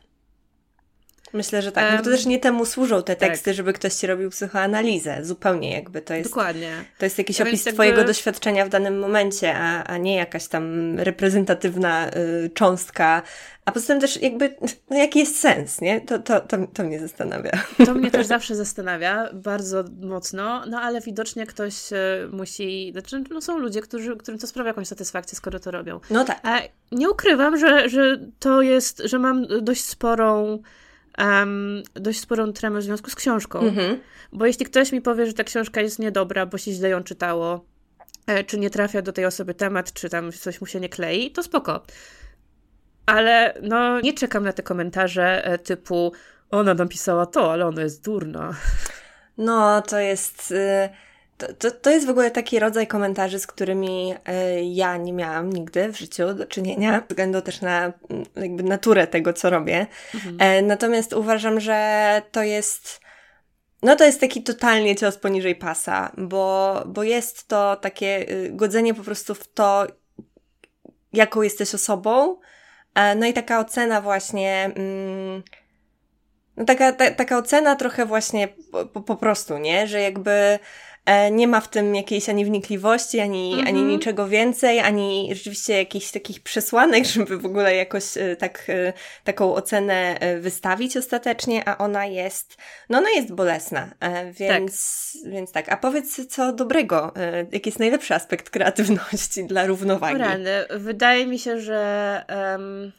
W moim osobistym, jednostkowym przypadku, kiedy ja pisałam dość dużo o depresji i, i związanym z tym, um, związanych z, z, tym problemach, e, przeżyciach i uczuciach i tak dalej. Dostaję sporo wiadomości, e, które mówią mi, że ktoś e, poszedł do lekarza dzięki mm -hmm. temu, co przeczytałam, że ktoś sięgnął po leki, e, że ktoś uznał, że to nie jest wstyd mm -hmm. i że może sobie pomóc i, i, że, że nie jest dziwakiem, tylko że właśnie może choruje. To jest no to jest jeden przykład jakby um, problemu. Jakby poruszałam mnóstwo różnych tematów i, i zdarzają się na, na różne tematy właśnie, um, właśnie podobne wiadomości, że pomogłam komuś w czymś. E, to dla mnie jest po prostu wow. Tak. To jest piękne uczucie, właśnie to, to wpływanie w jakiś sposób mhm. na drugiego człowieka. Takie wpływanie, ale też pod takim kątem, że jest to jakiś rodzaj poruszania właśnie czy to do mm, zadbania właśnie o swoje zdrowie psychiczne, e, ale też y, często po prostu myślę, że szczególnie w, w, fikcji do zmierzenia się też z różnymi swoimi emocjami czy przeżyciami. E, więc ja to, ja to uwielbiam w ogóle. Myślę też, że Oczywiście każdy rodzaj sztuki czy, czy, czy w ogóle wytworów kreatywności na różne sposoby potrafi poruszać, natomiast jest coś wyjątkowego e, w pisaniu właśnie i w opowiadaniu, mm, czy to o swojej historii, czy to o zupełnie fikcyjnych historiach, że to nas porusza i po prostu my mhm. jako ludzie często czerpiemy mm, po prostu z tego, że ktoś o czymś nam opowiedział i e, też strasznie lubię właśnie ten aspekt kreatywności. To jest taki e, cytat e, z Kurta Vonneguta, e, który przytoczę, nie mam go przed sobą, więc go przytoczę z pamięci, mm -hmm. to nie mhm. będzie takie dosłowne, um, no ale generalnie idzie to mniej więcej tak, że czuję i myślę podobnie jak ty, chociaż mnóstwo osób um, tego nie czuje i podobne sprawy są dla mnie ważne, chociaż dla innych osób w ogóle nie są ważne i chcę, żebyś usłyszał tą wiadomość, nie jesteś sam. Tak. Po prostu absolutnie, absolutnie uwielbiam, um, uwielbiam ten cytat i w ogóle, kiedy czytam właśnie e, Kurta Vonneguta, to czuję się w ten sposób, jakby okej, okay, to jest um, mężczyzna, e, który pisał to, będąc pewnie dużo starszym ode mnie, mm -hmm. um, będąc e, weteranem wojennym, doświadczając naprawdę okropnych rzeczy w życiu, plus potem mieszkał w Stanach Zjednoczonych, um, to znaczy, no był, był w ogóle ze Stanów Zjednoczonych i miał zupełnie inne doświadczenie życiowe niż ja, mhm. ale wiele rzeczy, które czytam w jego, e, w jego twórczości, no jakby po prostu od razu rezonuje to ze mną. Tak, taki konkretny rodzaj też e, w ogóle właśnie wrażliwości, ale też tak. refleksji. Tak. Ja bardzo, mhm. bardzo mocno to widzę, mm, bo towarzyszę mojej przyjaciółce w jej e, ścieżce komediowej e, i mhm. patrzę, jak występuje na bardzo tak naprawdę różnych scenach i przy różnej publiczności. I był taki moment, kiedy to była publiczność nie taka powiedzmy standardowa, tylko rzeczywiście nowe miejsce, jakieś tam wyjście poza bezpieczne środowisko i rzeczywiście te jej żarty, one nie, nie śmieszyły. Albo śmieszyły dużo mniej niż powiedzmy w takim standardowym wydaniu. I to, co właśnie e, analizując z nią, dlaczego tak było, przyszło mi do głowy, to właśnie to, że w tym miejscu wśród tych ludzi, którzy są przyzwyczajeni do w ogóle innego albo chodzą na inny rodzaj mm, stand-upu, bo ona po prostu w ramach testów występowała jako taki support, powiedzmy, kilka innych osób, do osoby, która gdzieś tam ma już wyrobioną swoją renomę i ma konkretny tak. rodzaj tego stand-upu.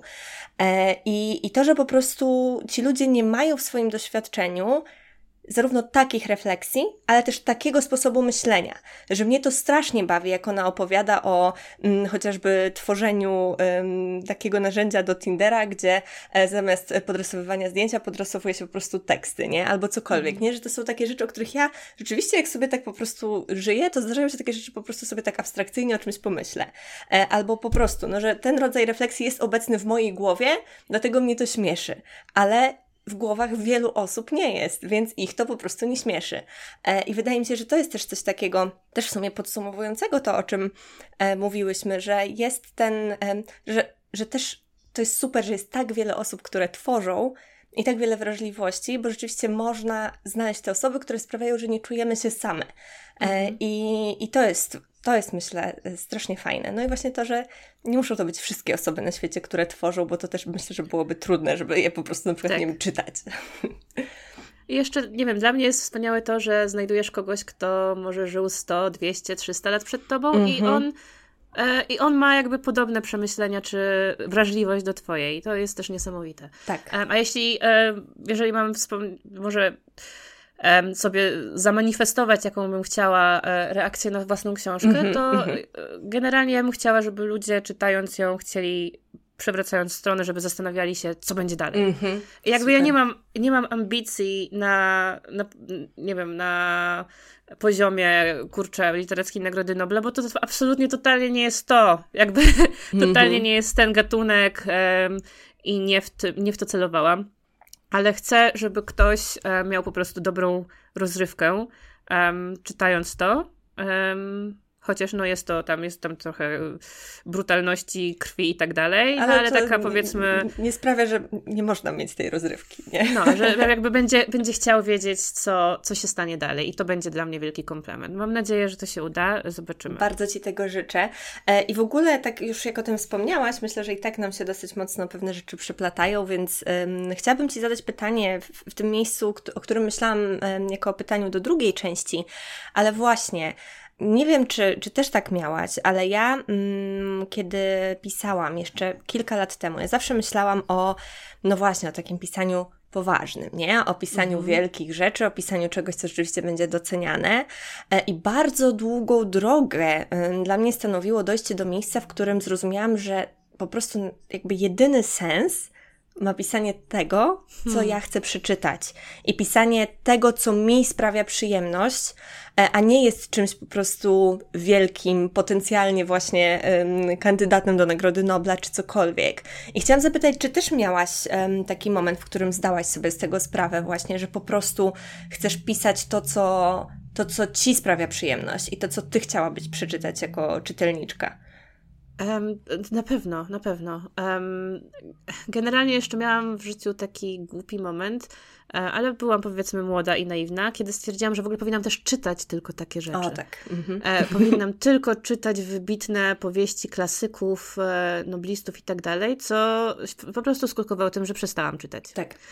Um, bo nie da się żyć tylko samym, nie wiem, samym mięchem, e, trzeba sobie dorzucić też trochę słodyczy czasem, tak? Mm-hmm.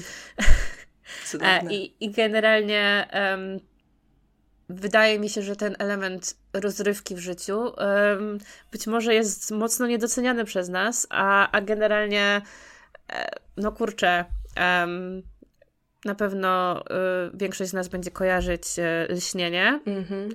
All work, no play makes Jack a dull boy. Mm-hmm. Um, więc y, potrzebujemy potrzebujemy w życiu rozluźnienia i potrzebujemy też eskapizmu po prostu. Tak. Um, ja myślę, że to w ogóle mnie przyjemne. przyciągnęło do, mhm. e, do, do literatury właśnie jako czytelniczkę, że ja dlatego tyle czytałam e, w dzieciństwie, bo to było po prostu absolutnie moje ukochane zajęcie, oprócz tak. wyobrażania sobie e, różnych rzeczy.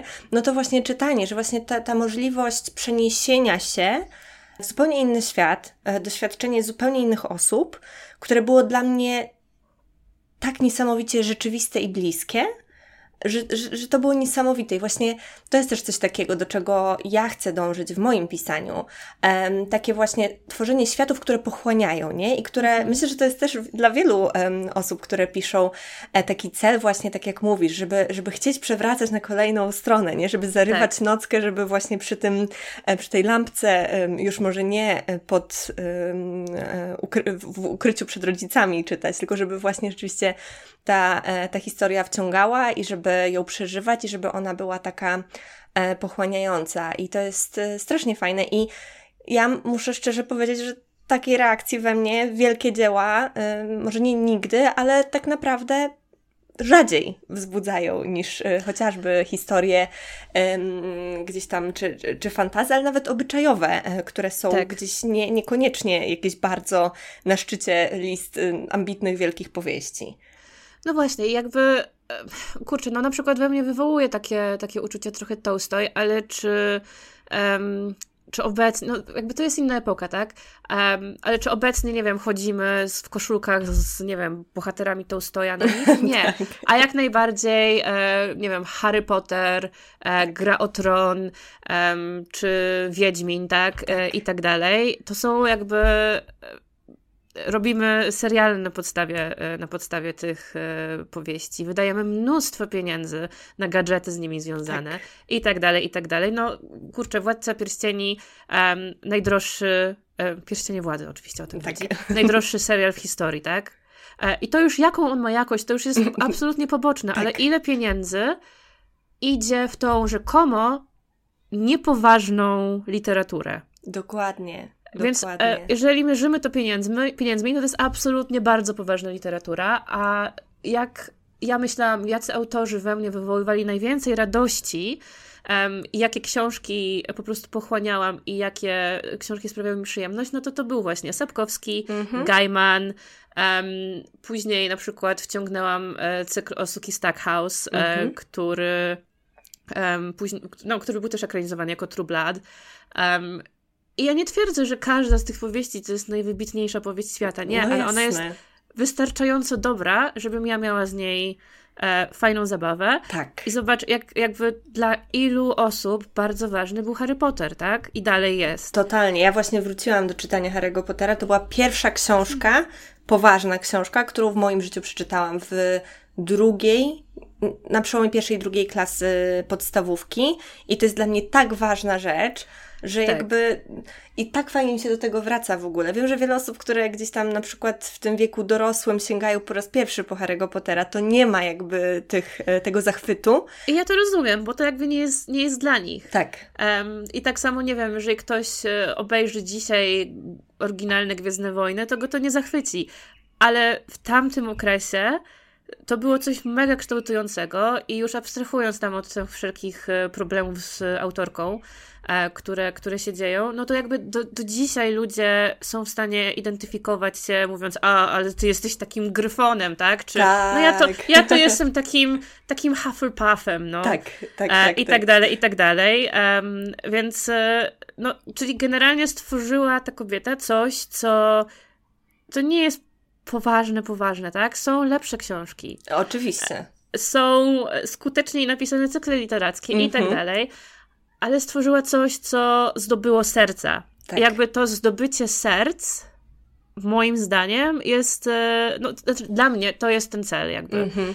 Żeby ktoś poczuł się, czytając moje rzeczy, tak jak czuję się czytając Sapkowskiego, Kajmana, um, Harry'ego Pottera, um, Władcy Pierścieni. I nie, ja nie twierdzę, że jestem utalentowana jak Tolkien, bo ja wiem, że od razu ktoś twierdzi, że no jak to? Można tak mówić. Nie, nie. Ja po prostu chcę, żeby poczuł taką radość. Tak, ten, ten rodzaj emocji, ten rodzaj doświadczenia w ogóle z, z lektury. Tak, totalnie to rozumiem i, i totalnie Ci tego życzę. E, taka ciekawostka, teraz e, Stradivarius ma e, kolekcję z z Gry o Tron, a w zasadzie z, jak się ta nowa seria nazywa? Nie pamiętam. No w każdym razie... E, Ród Smoka. Tak, Ród Smoka. Z Rodem Smoka ma współpracę i moja przyjaciółka właśnie sobie kupiła na swój wieczór panieński sukienkę białą z tego właśnie, z, z tego cyklu. No sobie nie wyobrażam za bardzo, gdyby, nie wiem, um, Stradivarius miał wprowadzić um, taką kolekcję z chociażby E, no jeszcze może z Anną Kareniną okej, okay, ale tak. na przykład ze Zbrodnią i Karą jakoś nie do końca, o tak, nie? Ubrania, ubrania inspirowane Zbrodnią i Karą. Albo um, cykl ubrań e, inspirowanych powieściami Tokarczu. Mhm. Dokładnie. Jakby Okej.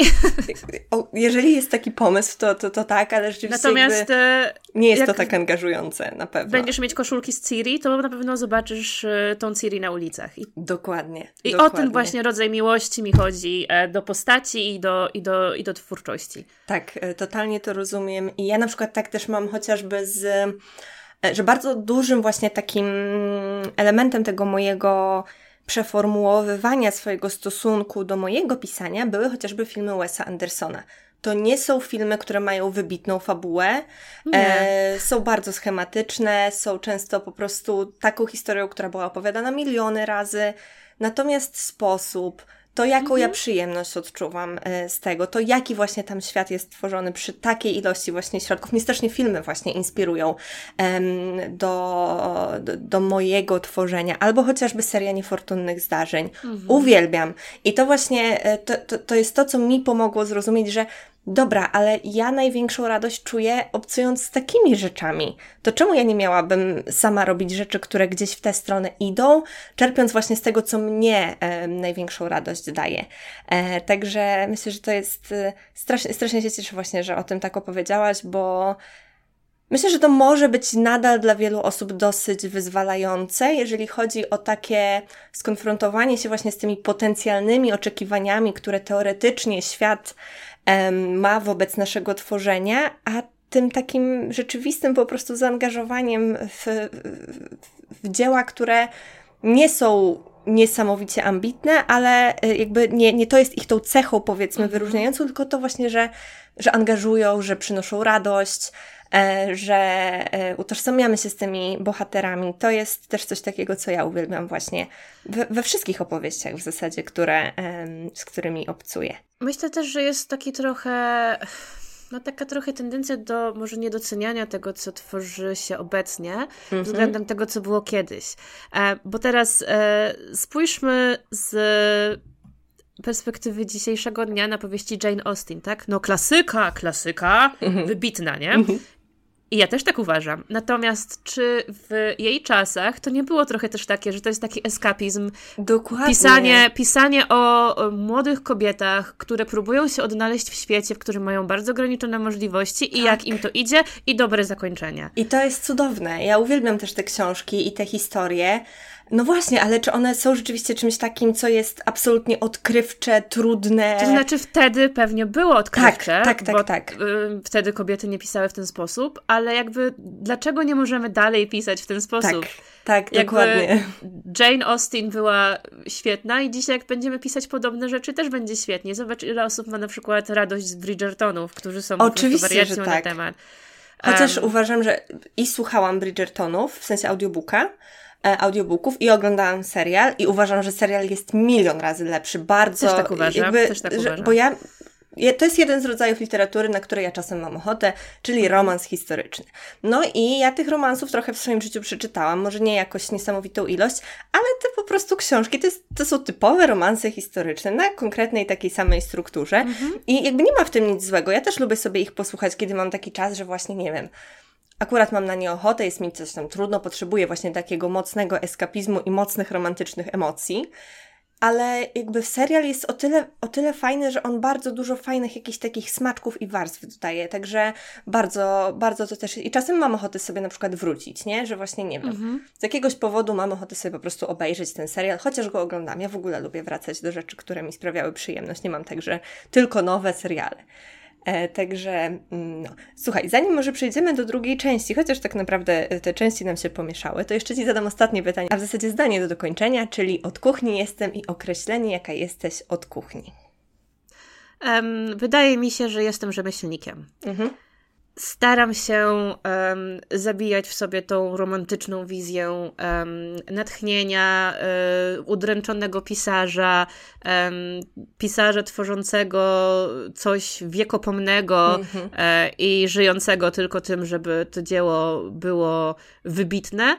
E, nie, ja nie mam problemu z tym, że siadam codziennie, odwalam robotę koniec, fajrant e, i mogę się zająć, nie wiem, pieczeniem ciasta z dziećmi. Super jest w tym coś takiego satysfakcjonującego też, jeżeli właśnie się na co dzień pisze, że po prostu się napisało, nie? Nie, że tam tak. sobie myślisz o tym, co to ty nie napiszesz, tylko po prostu rzeczywiście Dokładnie. te słowa się zrobione, pojawiają.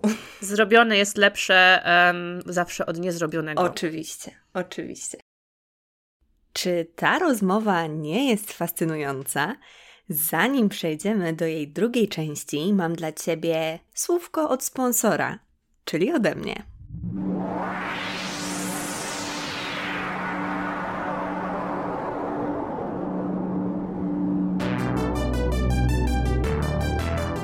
Masz dosyć obcych, zatruwających kreatywną planetę Twojej głowy wrogimi komunikatami? Męczy Cię życie na zasadach innych, niekreatywnych galaktyk? Myślisz, że Twoja planeta jest tak jałowa, że nie wyrośnie już na niej nic kreatywnego? Mam dla Ciebie pełne błysku i w pełni darmowe rozwiązanie.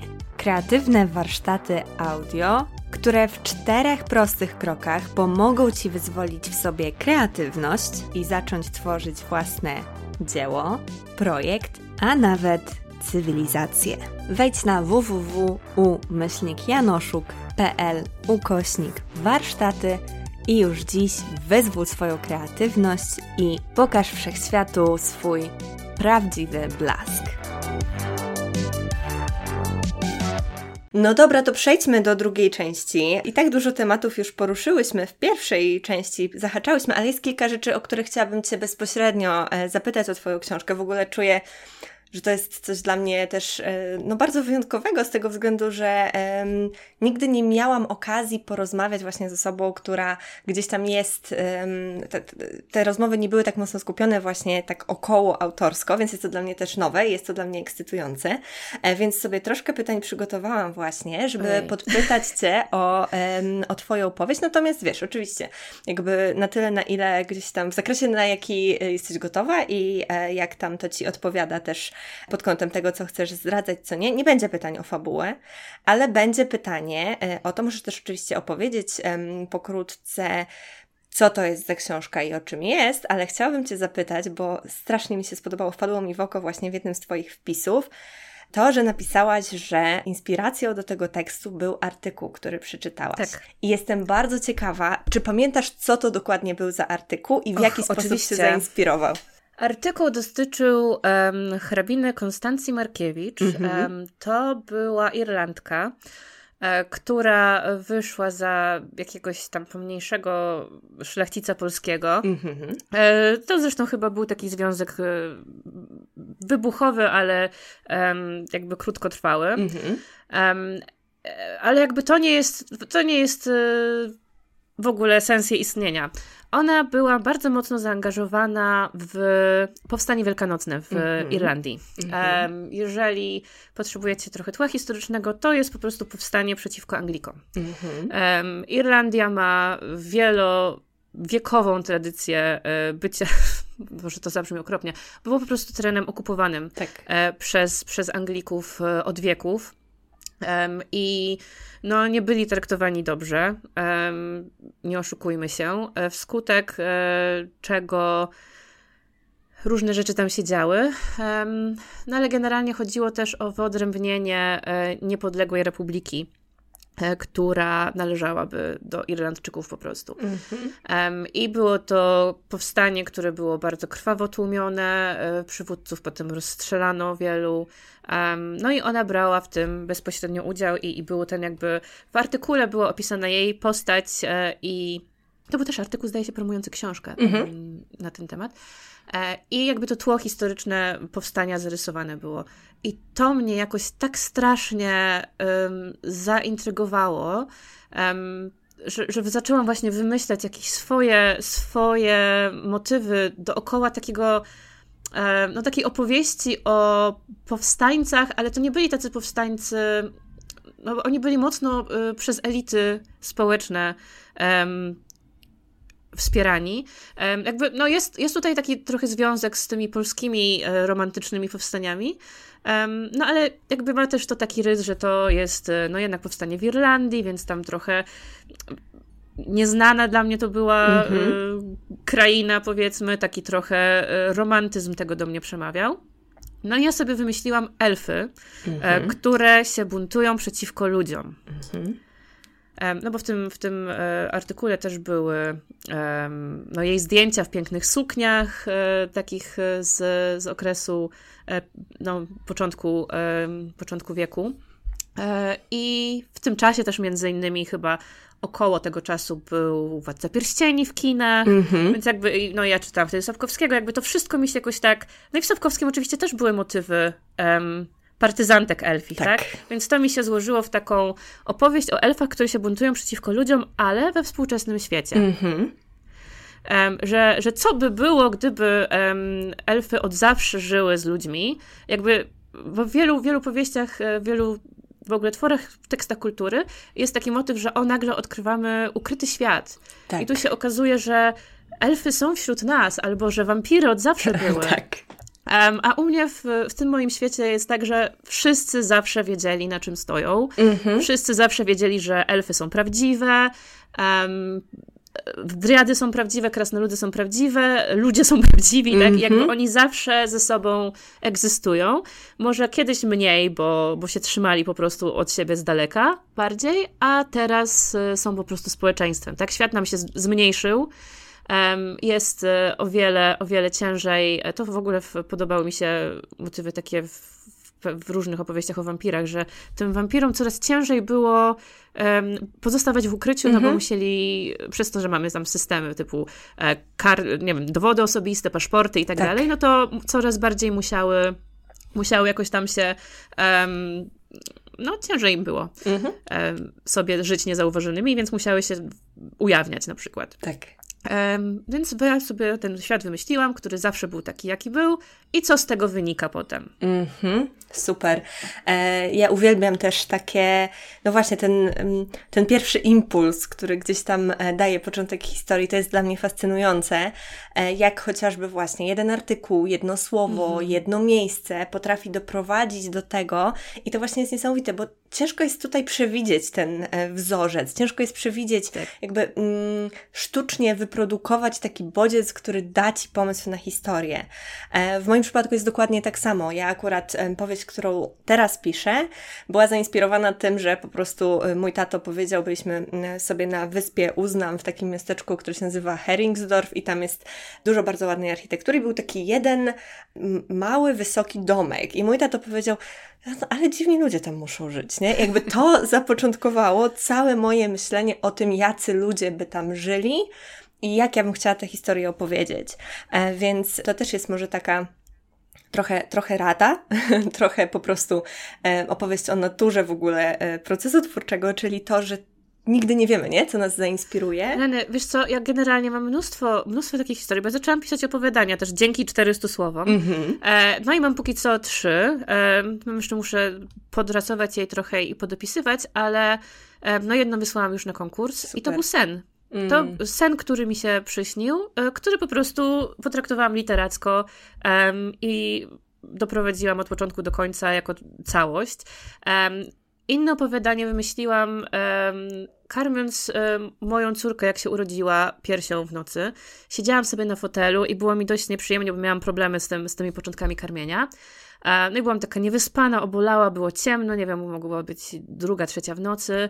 Um, I patrzyłam sobie przez okno i zobaczyłam budowę. Mhm. to była budowa takiego wieżowca, który już jest dawno skończony i pomyślałam sobie, taka umęczona, ale tam ciekawe, co by było, jakby tam takie demony żyły. Mhm. I zaczęłam pisać opowiadanie o tym właśnie, o tej budowie. W ogóle czasem sobie chodziłam obok, e, patrzyłam, co tam jak wygląda, żeby opisać to dobrze. Mm -hmm, gdzie się wchodzi, gdzie się wychodzi i tak dalej. E, I, I mam właśnie opowiadanie o chłopaku, który się odkrywa, że tam na tej budowie żyją demony. Super. Albo kiedyś poszłam, nie wiem, do kawiarni i pani jakaś starsza opowiadała z, o jakichś dziwnych, jakieś dziwne um, opowieści chyba rodzinne mm -hmm. i myślałam sobie, a co jeśli ona opowiada o tym, co się u niej w domu dzieje, ale to są duchy. Mhm. E, I zaczęłam też o niej pisać. Cudowne. Ja właśnie ostatnio miałam taką myśl, bo ja jak chodzę na mm, spacery z e, Frajdą, moim pieskiem, to ja ba bardzo sąsiedzko i towarzysko podchodzę do kontaktów um, międzyludzkich, a że Frajda jest bardzo specyficznym psem. Ona jest lękowa, ale tak e, bardzo e, intensywnie i powoli jakby się porusza, w sensie, że jakby mhm. ma, często po prostu sobie staje i coś wącha w powietrzu, w ogóle nic, nic konkretnego. E, często podchodzi w ogóle pod wejścia innych bloków. Ja się też na to w ogóle zgadzam właśnie, żeby wzmacniać jej pewność siebie. I też pomyślałam o potencjalnie właśnie opowiadaniu, w którym jest taka osoba, która jest bardzo sąsiedzka w stosunku do ludzi z bardzo różnych miejsc i wszyscy myślą, że ona żyje, nie? W tych, w tych blokach, a później się coś tam, coś tam okazuje. Więc to jest dla mnie cudowne właśnie. I to też jest, e, wydaje mi się, że to jest ciekawe w ogóle w pisaniu, że znowu te opowieści, nie? Że gdzieś tam takie nawarstwianie się tego, kim my jesteśmy, w zetknięciu z konkretnym bodźcem i z naszą wrażliwością, to daje właśnie takie bardzo, bardzo ciekawe pomysły, które właśnie teoretycznie są mm z mhm. niczego. I oczywiście one prawdopodobnie były już na inne sposoby mm, pisane, no, ale... pewno, wszystko już było. Dokładnie, ale, ale nas y, nie było, nie? I, I naszej wrażliwości i tego, jak my opisujemy rzeczy. Uwielbiam w ogóle, uwielbiam takie, takie momenty. Czy chciałabyś coś więcej opowiedzieć w ogóle mm, o swojej powieści, e, żeby przybliżyć ją naszym słuchaczom i słuchaczkom? Myślę, że tyle, co, co na okładce jest, to, to mhm. mogę na pewno zdradzić. Generalnie mamy właśnie e, świat, w którym najróżniejsze istoty i elfy, i ludzie żyją sobie od wieków do, razem, mniej lub bardziej, i tworzą jedno społeczeństwo. E, I ja to piszę też e, z perspektywy Wielkiej Brytanii, no bo tutaj, mhm. tutaj żyję i tutaj jakby to miejsce teraz od lat znam powiedzmy najlepiej Tutaj jestem u siebie w domu w tej chwili. Um, I um, zaczyna się um, akcja od tego, że młoda e, elfka, znaczy młoda to oczywiście ma 100 lat. Mm -hmm. jak to elfki. jak to elfki. Młoda, dzieciak, dzieciak kompletny. generalnie e, zamieszana jest w organizację terrorystyczną. Mm -hmm. I jakby na początku nie wiadomo za bardzo o co chodzi, a potem się coraz bardziej zaczynamy, zaczynamy odkrywać, dlaczego ona jest e, w to w ogóle um, zaangażowana. Bo to jest organizacja o charakterze rasistowskim, która uznaje, że e, no, elfy powinny rządzić ludźmi i w ogóle mm -hmm. dlaczego nie, tak nie jest. Um, I że w ogóle nie powinno być żadnej asymilacji. Um, mm -hmm. Wszyscy się powinni trzymać osobno i tak dalej. Chociaż czasami mówią co innego, tylko po to, żeby siać zamęt. Mhm. No i wychodzi na to, że e, w tej organizacji był ktoś, e, kto był jej bardzo bliski i został zamordowany przez tą organizację i ona szuka tak mhm. naprawdę zemsty. I tu się komplikuje mnóstwo rzeczy, no bo ona generalnie ma kompetencje powiedzmy średnie, żeby, żeby w tym mhm. działać. Jest to super niebezpieczne, a jednocześnie jest e, całe tło polityczne, bo ta organizacja jest częścią większego trendu. Mm -hmm. I to nie chodzi tylko o to, że oni sobie chcą tam, nie wiem, wysadzać samochody, tylko oni są wspierani przez stronnictwo dużo mające ambitniejsze mm -hmm. zamiary. No i są właśnie dwa stronnictwa, które się ścierają i ona jest trochę w pośrodku tego, z, z różnych względów, e, w związku też z powiązaniami rodzinnymi. Super. Strasznie to jest fajne właśnie. Mm, ja bardzo lubię takie w takich historiach, gdzie właśnie toczą się, y, stawka toczy się o jakieś duże rzeczy, gdzie właśnie jest to takie bardzo indywidualne i bardzo, bardzo mhm. osobiste podejście, taka właśnie osobista historia. Przypomnijmy oczywiście, że premiera książki jest w marcu, też oczywiście w tak, opisie 8 macie marca. 8 marca e, w opisie macie e, link do przedsprzedaży, a jeżeli słuchacie tego później, no to oczywiście do sprzedaży. Chciałam Cię zapytać też o to, mm, bo jest to, pisanie powieści to jest taka droga, którą pokazywałaś w swoich mediach społecznościowych, o której pisałaś na swoim blogu. I rzeczywiście jest to coś takiego, co mi e, te nadzieje, które wyraziłaś właśnie w swoim ostatnim wpisie, że e, chciałabyś, żeby to też pokazało tą rzeczywistą drogę i być może e, nastawiło osoby, które też chciałyby podążać do napisania książki, do wydania książki, na to, że to nie jest taka prosta ścieżka. Też w ogóle o tej prostocie dzisiaj sporo mówiłyśmy. Rzeczywiście ja mogę Ci potwierdzić to, że dla mnie to jest bardzo inspirujące i bardzo takie. Mm, to pokazywanie, jak rzeczywiście jest, że to nie jest pstryk i jest książka wydana, tylko ile pracy za tym stoi, ile w ogóle właśnie chociażby ile razy um, trzeba przeczytać swoją własną powieść, e, żeby ją znielubić, e, to, to, to, to też jest cudowne. Więc rzeczywiście myślę, że wielu osobom to dużo dało, jeżeli chodzi o takie po prostu przedstawienie tego, jak jest, a nie właśnie tej romantycznej wizji, mm, z którą bardzo często się stykamy. Więc dla mnie, jako dla odbiorczyni, myślę, że dla wielu odbiorców, odbiorców, odbiorczyń mm, to rzeczywiście dużo dało, ale chciałam Cię zapytać, czy Tobie pokazywanie tego procesu i dzielenie się nim e, z osobami w internecie, czy, czy Tobie coś to dało? Ja piszę o tym, czym żyję. Mhm. Bardzo często. Um, I no jakby generalnie stąd wzięło się też e, na moim blogu pisanie o takich rzeczach jak depresja, czy poronienie i tak dalej, czy nawet trudności w, w macierzyństwie i, i zmierzeniem się z nimi na co dzień, że jakby trochę nie potrafię, może nie potrafię, jest mi ciężko, mhm. albo nie mhm. interesuje mnie um, pisanie o czymś niezależnym ode mnie, kiedy we mnie dzieje się tyle rzeczy, tak? E, I to też nie chodzi o to, że nigdy nie jestem w stanie, ale że po prostu pewne rzeczy muszę z siebie wyrzucić. Więc e, kiedy zaczęłam pisać na blogu o depresji, to on jeszcze był taki dość mocno szafiarski i stwierdziłam, że kurczę, no może wszyscy odejdą ode mnie, no ale trudno. Ja nie chcę udawać, że jest spoko, że wychodzę sobie um, zrobić zdjęcia w, na ładnym tle w fajnych ubraniach bo nie jest spoko. Mm-hmm. To znaczy, ja to cały czas te zdjęcia robię i tak dalej, ale oprócz tego nie jest spoko, nie czuję się dobrze i jakby uważałam, że to jest kłamstwo, kiedy nie powiem o tym na głos. Że to jest pewne kreowanie jakiejś rzeczywistości, której nie ma, i w ogóle ja się czułam z tym strasznie źle. E, więc, jakby idąc, idąc z tym tropem, wydaje mi się, że po prostu jeśli czymś naprawdę żyję i jest to dla mnie ważne, to czuję potrzebę podzielenia się z tym, ale to też nie chodzi tylko o to, że patrzcie, co się u mnie dzieje i mówcie, że będzie dobrze, albo też tak macie i wspierajcie mnie ale to też wydaje mi się, że to jest przerobienie tego tematu i jakaś próba zdystansowania się od tego, co się dzieje. Nawet to nie musi być w ogóle nawet nic nieprzyjemnego, to może być absolutnie coś fajnego. Tak. Um, ale takie jest po prostu spojrzenie z boku, takie bardziej analityczne na to, co się dzieje. I um, no właśnie, wydaje mi się, że, że pisanie to jest też paradoksalnie, to jest takie, taki motyw, który jest dość uniwersalny. No jakby Mnóstwo osób pisze i mnóstwo osób będzie próbowało wydać książkę na jakimś etapie życia, i nawet jeżeli to jest 1% moich czytelników, to to dalej są setki osób. Tak. Więc nawet jeżeli, nie wiem, pisałam o ślubie, czy jak się czułam ze ślubem, czy o tym, jak, e, jak się czułam z małymi dziećmi, czy po urodzeniu dziecka, to wciąż są tematy, które to nie, jest, to nie jestem tylko ja. Mhm. Jest to jakieś uniwersalne doświadczenie i znowu, nawet jeżeli to będzie 1%, to to są setki osób. Tak. I to jest, to jest cudowne, myślę. I, I nawet jeżeli w danym momencie to jest 1%, to jednak myślę, że pamiętając gdzieś tam, no ja mam tak, jak obserwuję jakieś osoby w internecie, to mniej więcej kojarzy, co się u nich działo. I mhm. są takie momenty, kiedy do pewnych e, wpisów, czy po prostu w pamięci do tego, o czym te osoby pisały, wracam właśnie dlatego, że w moim życiu pojawia się tego typu okazja. Czy piszę powieść, czy biorę ślub, czy tak. cokolwiek tak. innego.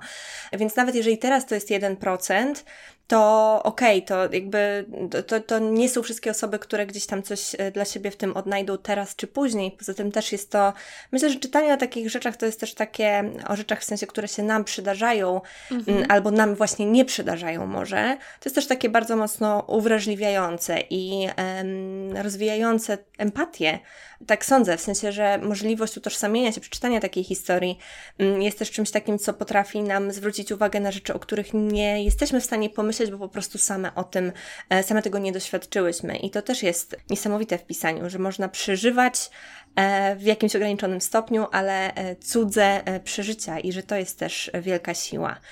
Wiem, że dużo było trudności też e, w mm, całym tym procesie i oczywiście myślę, że jak w wielu procesach kreatywno-twórczych są rzeczy, które są super miłe, e, są rzeczy, które są e, super trudne. Ale powiedz, myślę, że trochę to już wybrzmiewało z naszej rozmowy we wcześniejszych jej stadiach, co sprawiało, że mimo tych trudności, mimo tego właśnie, że e, gdzieś tam chociażby poprawianie książki, no to jest mhm. dosyć bolesny proces, czy no właśnie to siadanie, jakby co mimo e, tych trudności sprawiało, że nie poddawałaś się w tym e, dążeniu do spełnienia tego e, marzenia? Co ci, co ci takiego to pisanie właśnie dawało? Ja myślę, że jest kilka aspektów. Po pierwsze, ja się po prostu uparłam, że mm-hmm. ja chcę to zrobić. Już jak miałam, jak ja sobie wymyśliłam tą historię, mając te kilkanaście lat, to ja sobie tam wymyślałam, że to będzie film, że to będzie książka i tak dalej. I nawet jeżeli nie będzie, jakby ja nie twierdzę od razu, że no to, to będzie za miesiąc film, nie? Ale ogólnie ja stwierdziłam, że ja chcę, żeby ta historia była opowiedziana. Nawet jeżeli się nikomu nie spodoba, nawet jeżeli, nie wiem, nie przyniesie jakichś tam kokosów, no to ja po prostu chcę, bo ja sobie uparłam się i, i, i, i muszę to zrobić. Mm-hmm. Um, a po drugie, jakby ja się dostosowuję do mnóstwa rzeczy. E, mam taką zdolność przetrwania, survivalu i, i adaptacji um, życiowo. Um, przez to na przykład, no nie wiem, wyjechałam na studia do Wielkiej Brytanii, potem przeprowadziłam się z jednego końca na drugi. Um, jakby zawsze się jestem w stanie odnaleźć i spać na cztery łapy, mm -hmm. więc, mhm. e, więc to też jakby mam wrażenie, że jak coś jest trudne, to nie znaczy, że się poddaję, e, tylko, tylko staram się przejść do przodu.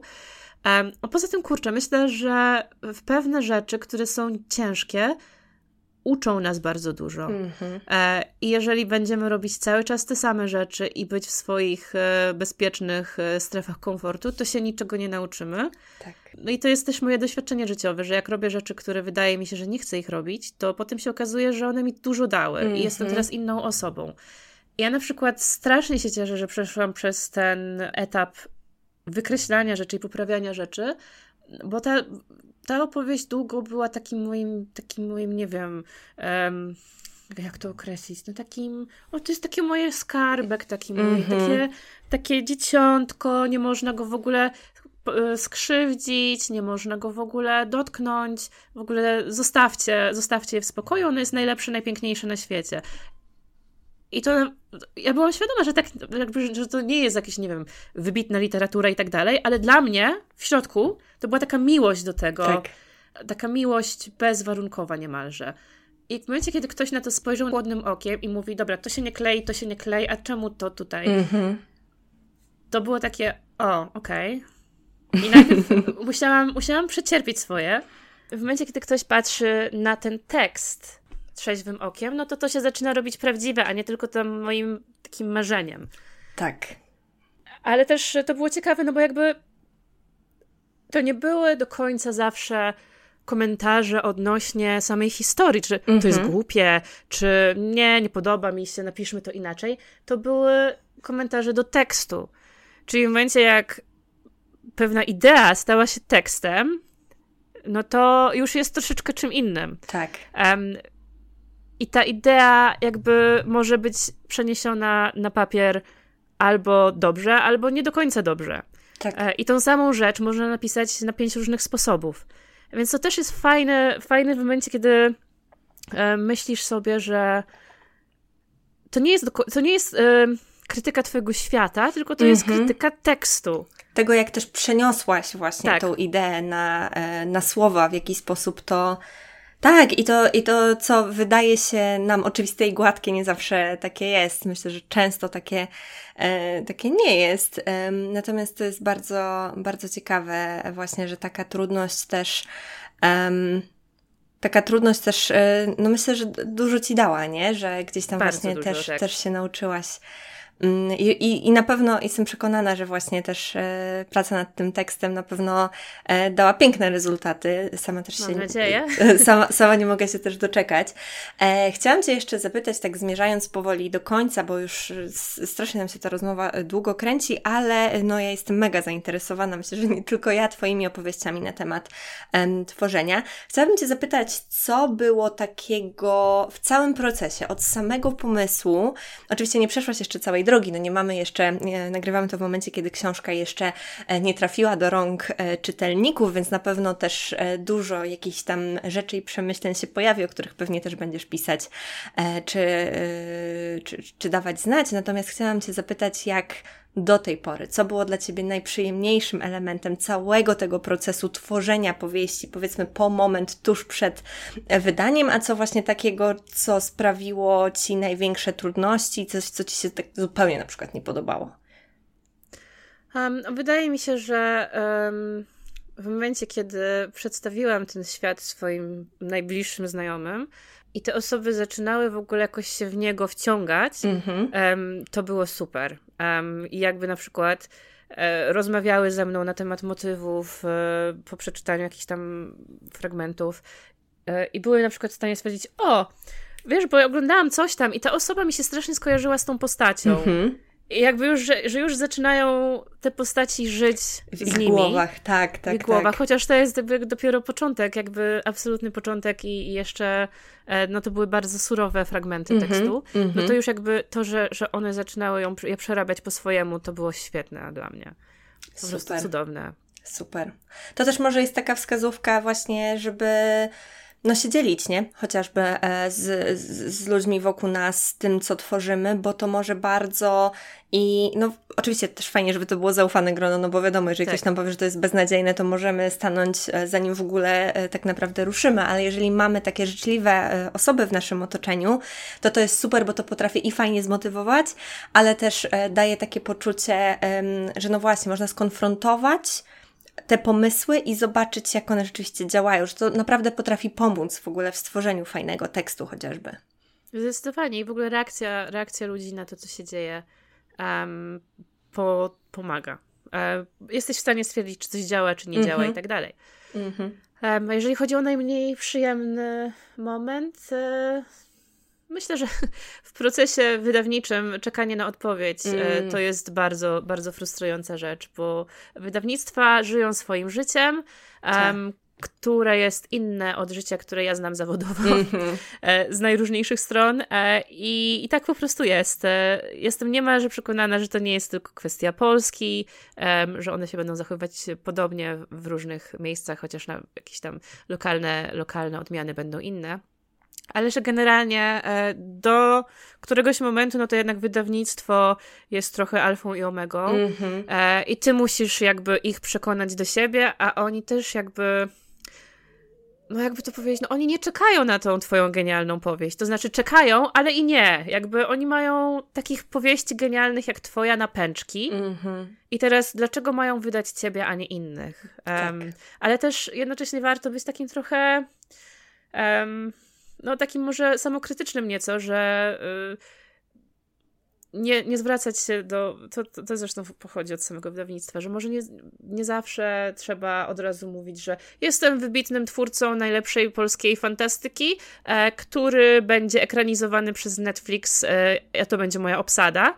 Um, oczywiście nawet jeżeli tego chcemy, tak? No, ja tego bardzo chcę, tak? Jasne. Tak, możemy sobie to wyobrażać i się tym motywować, Jasne. nie? Ale... Motywuję się tym, ale jakby, no, w momencie, kiedy idziesz z tą książką, no to jakby tak, no kurczę, trochę mieć takiego, no, takiej pokory. Tak, pokory w sobie. Tak, tak. Wydaje mi się, że to na pewno dużo daje i też właśnie e, ta świadomość tej drugiej strony. Fajnie, że o tym właśnie też tak, um, tak mówisz, że rzeczywiście no, to jest to nie jest tak, że właśnie cały świat, wydawnictwo e, czeka na to, co my mamy. Szczególnie kiedy debiutujemy, to też jest tak, że no nie wiadomo, czego się po nas spodziewać. Tak. I e, wiadomo, że to jest też taki rodzaj ryzyka, niebezpieczeństwa i myślę, że poza tym też z takiej czysto ludzkiej strony, e, moim jedynym jakby takim doświadczeniem, gdzie jakkolwiek zatrudniałam ludzi, to było właśnie organizowanie ślubu. I na przykład to, co ja robiłam, to ja zupełnie nie patrzyłam na takie rzeczy typu, dobra,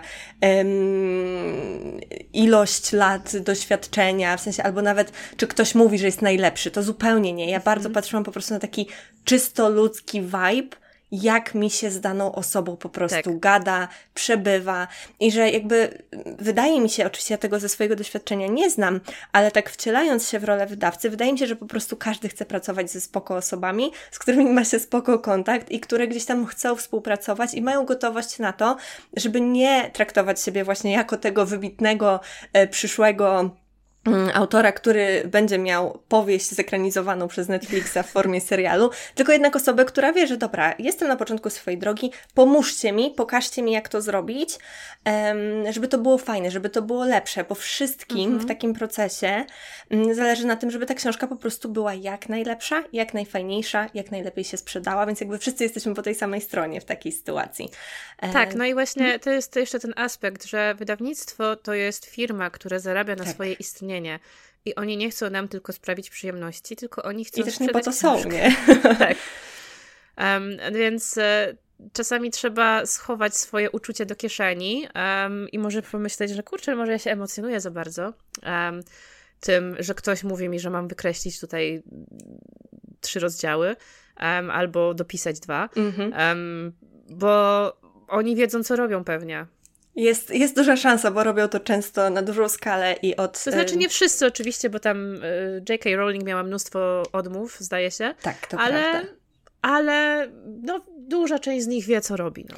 Tak, tak, tak, tak. No i wiadomo, no to też y, często jakby tych okoliczności jest dużo. E, tych okoliczności jest dużo, jak właśnie obserwuję różne osoby, które gdzieś tam e, czy wydają, czy piszą, to też często chodzi po prostu o konkretny timing, o konkretny e, moment gdzieś tam, czy w roku, czy na rynku, czy cokolwiek, że to nawet, że, to nie musi świadczyć o tym, że ta e, rzecz jest zła. Oczywiście warto sobie zerknąć po prostu po jakimś czasie, wrócić, sprawdzić, czy tam to rzeczywiście coś działa, albo właśnie tak jak powiedziałaś, podzielić się tym e, z kimś zaufanym, kto może nam powiedzieć, czy jest tutaj coś, co można by teoretycznie poprawić, Mm, ale ostatecznie, no, no myślę, że się da. Myślę, że się da i fajnie, że jesteś też taką osobą, która pokazuje, że się da i pokazujesz ten proces, bo tak jak mówiłam, myślę, że to jest bardzo inspirujące dla e, wielu osób.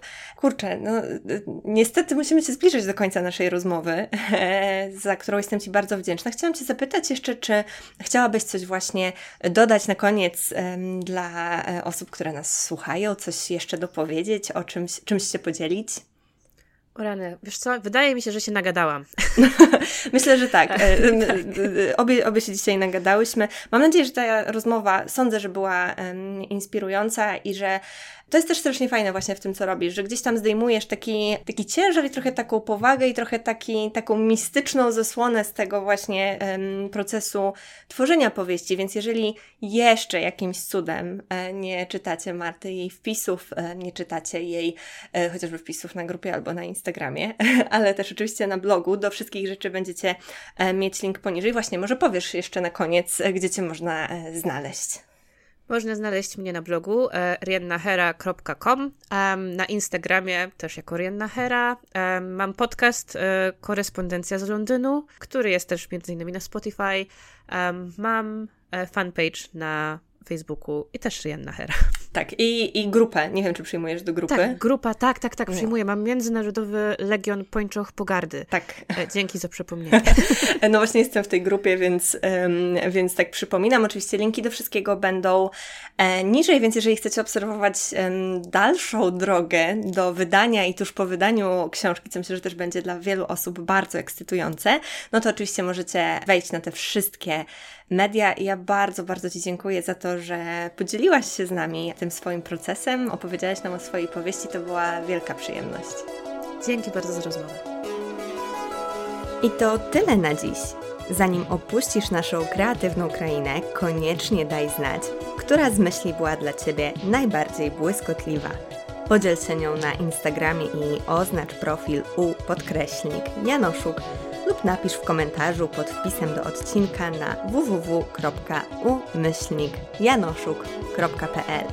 Tam znajdziesz też wszystkie odnośniki i notatki do odcinka. Do usłyszenia, a tymczasem niech błysk będzie z Tobą.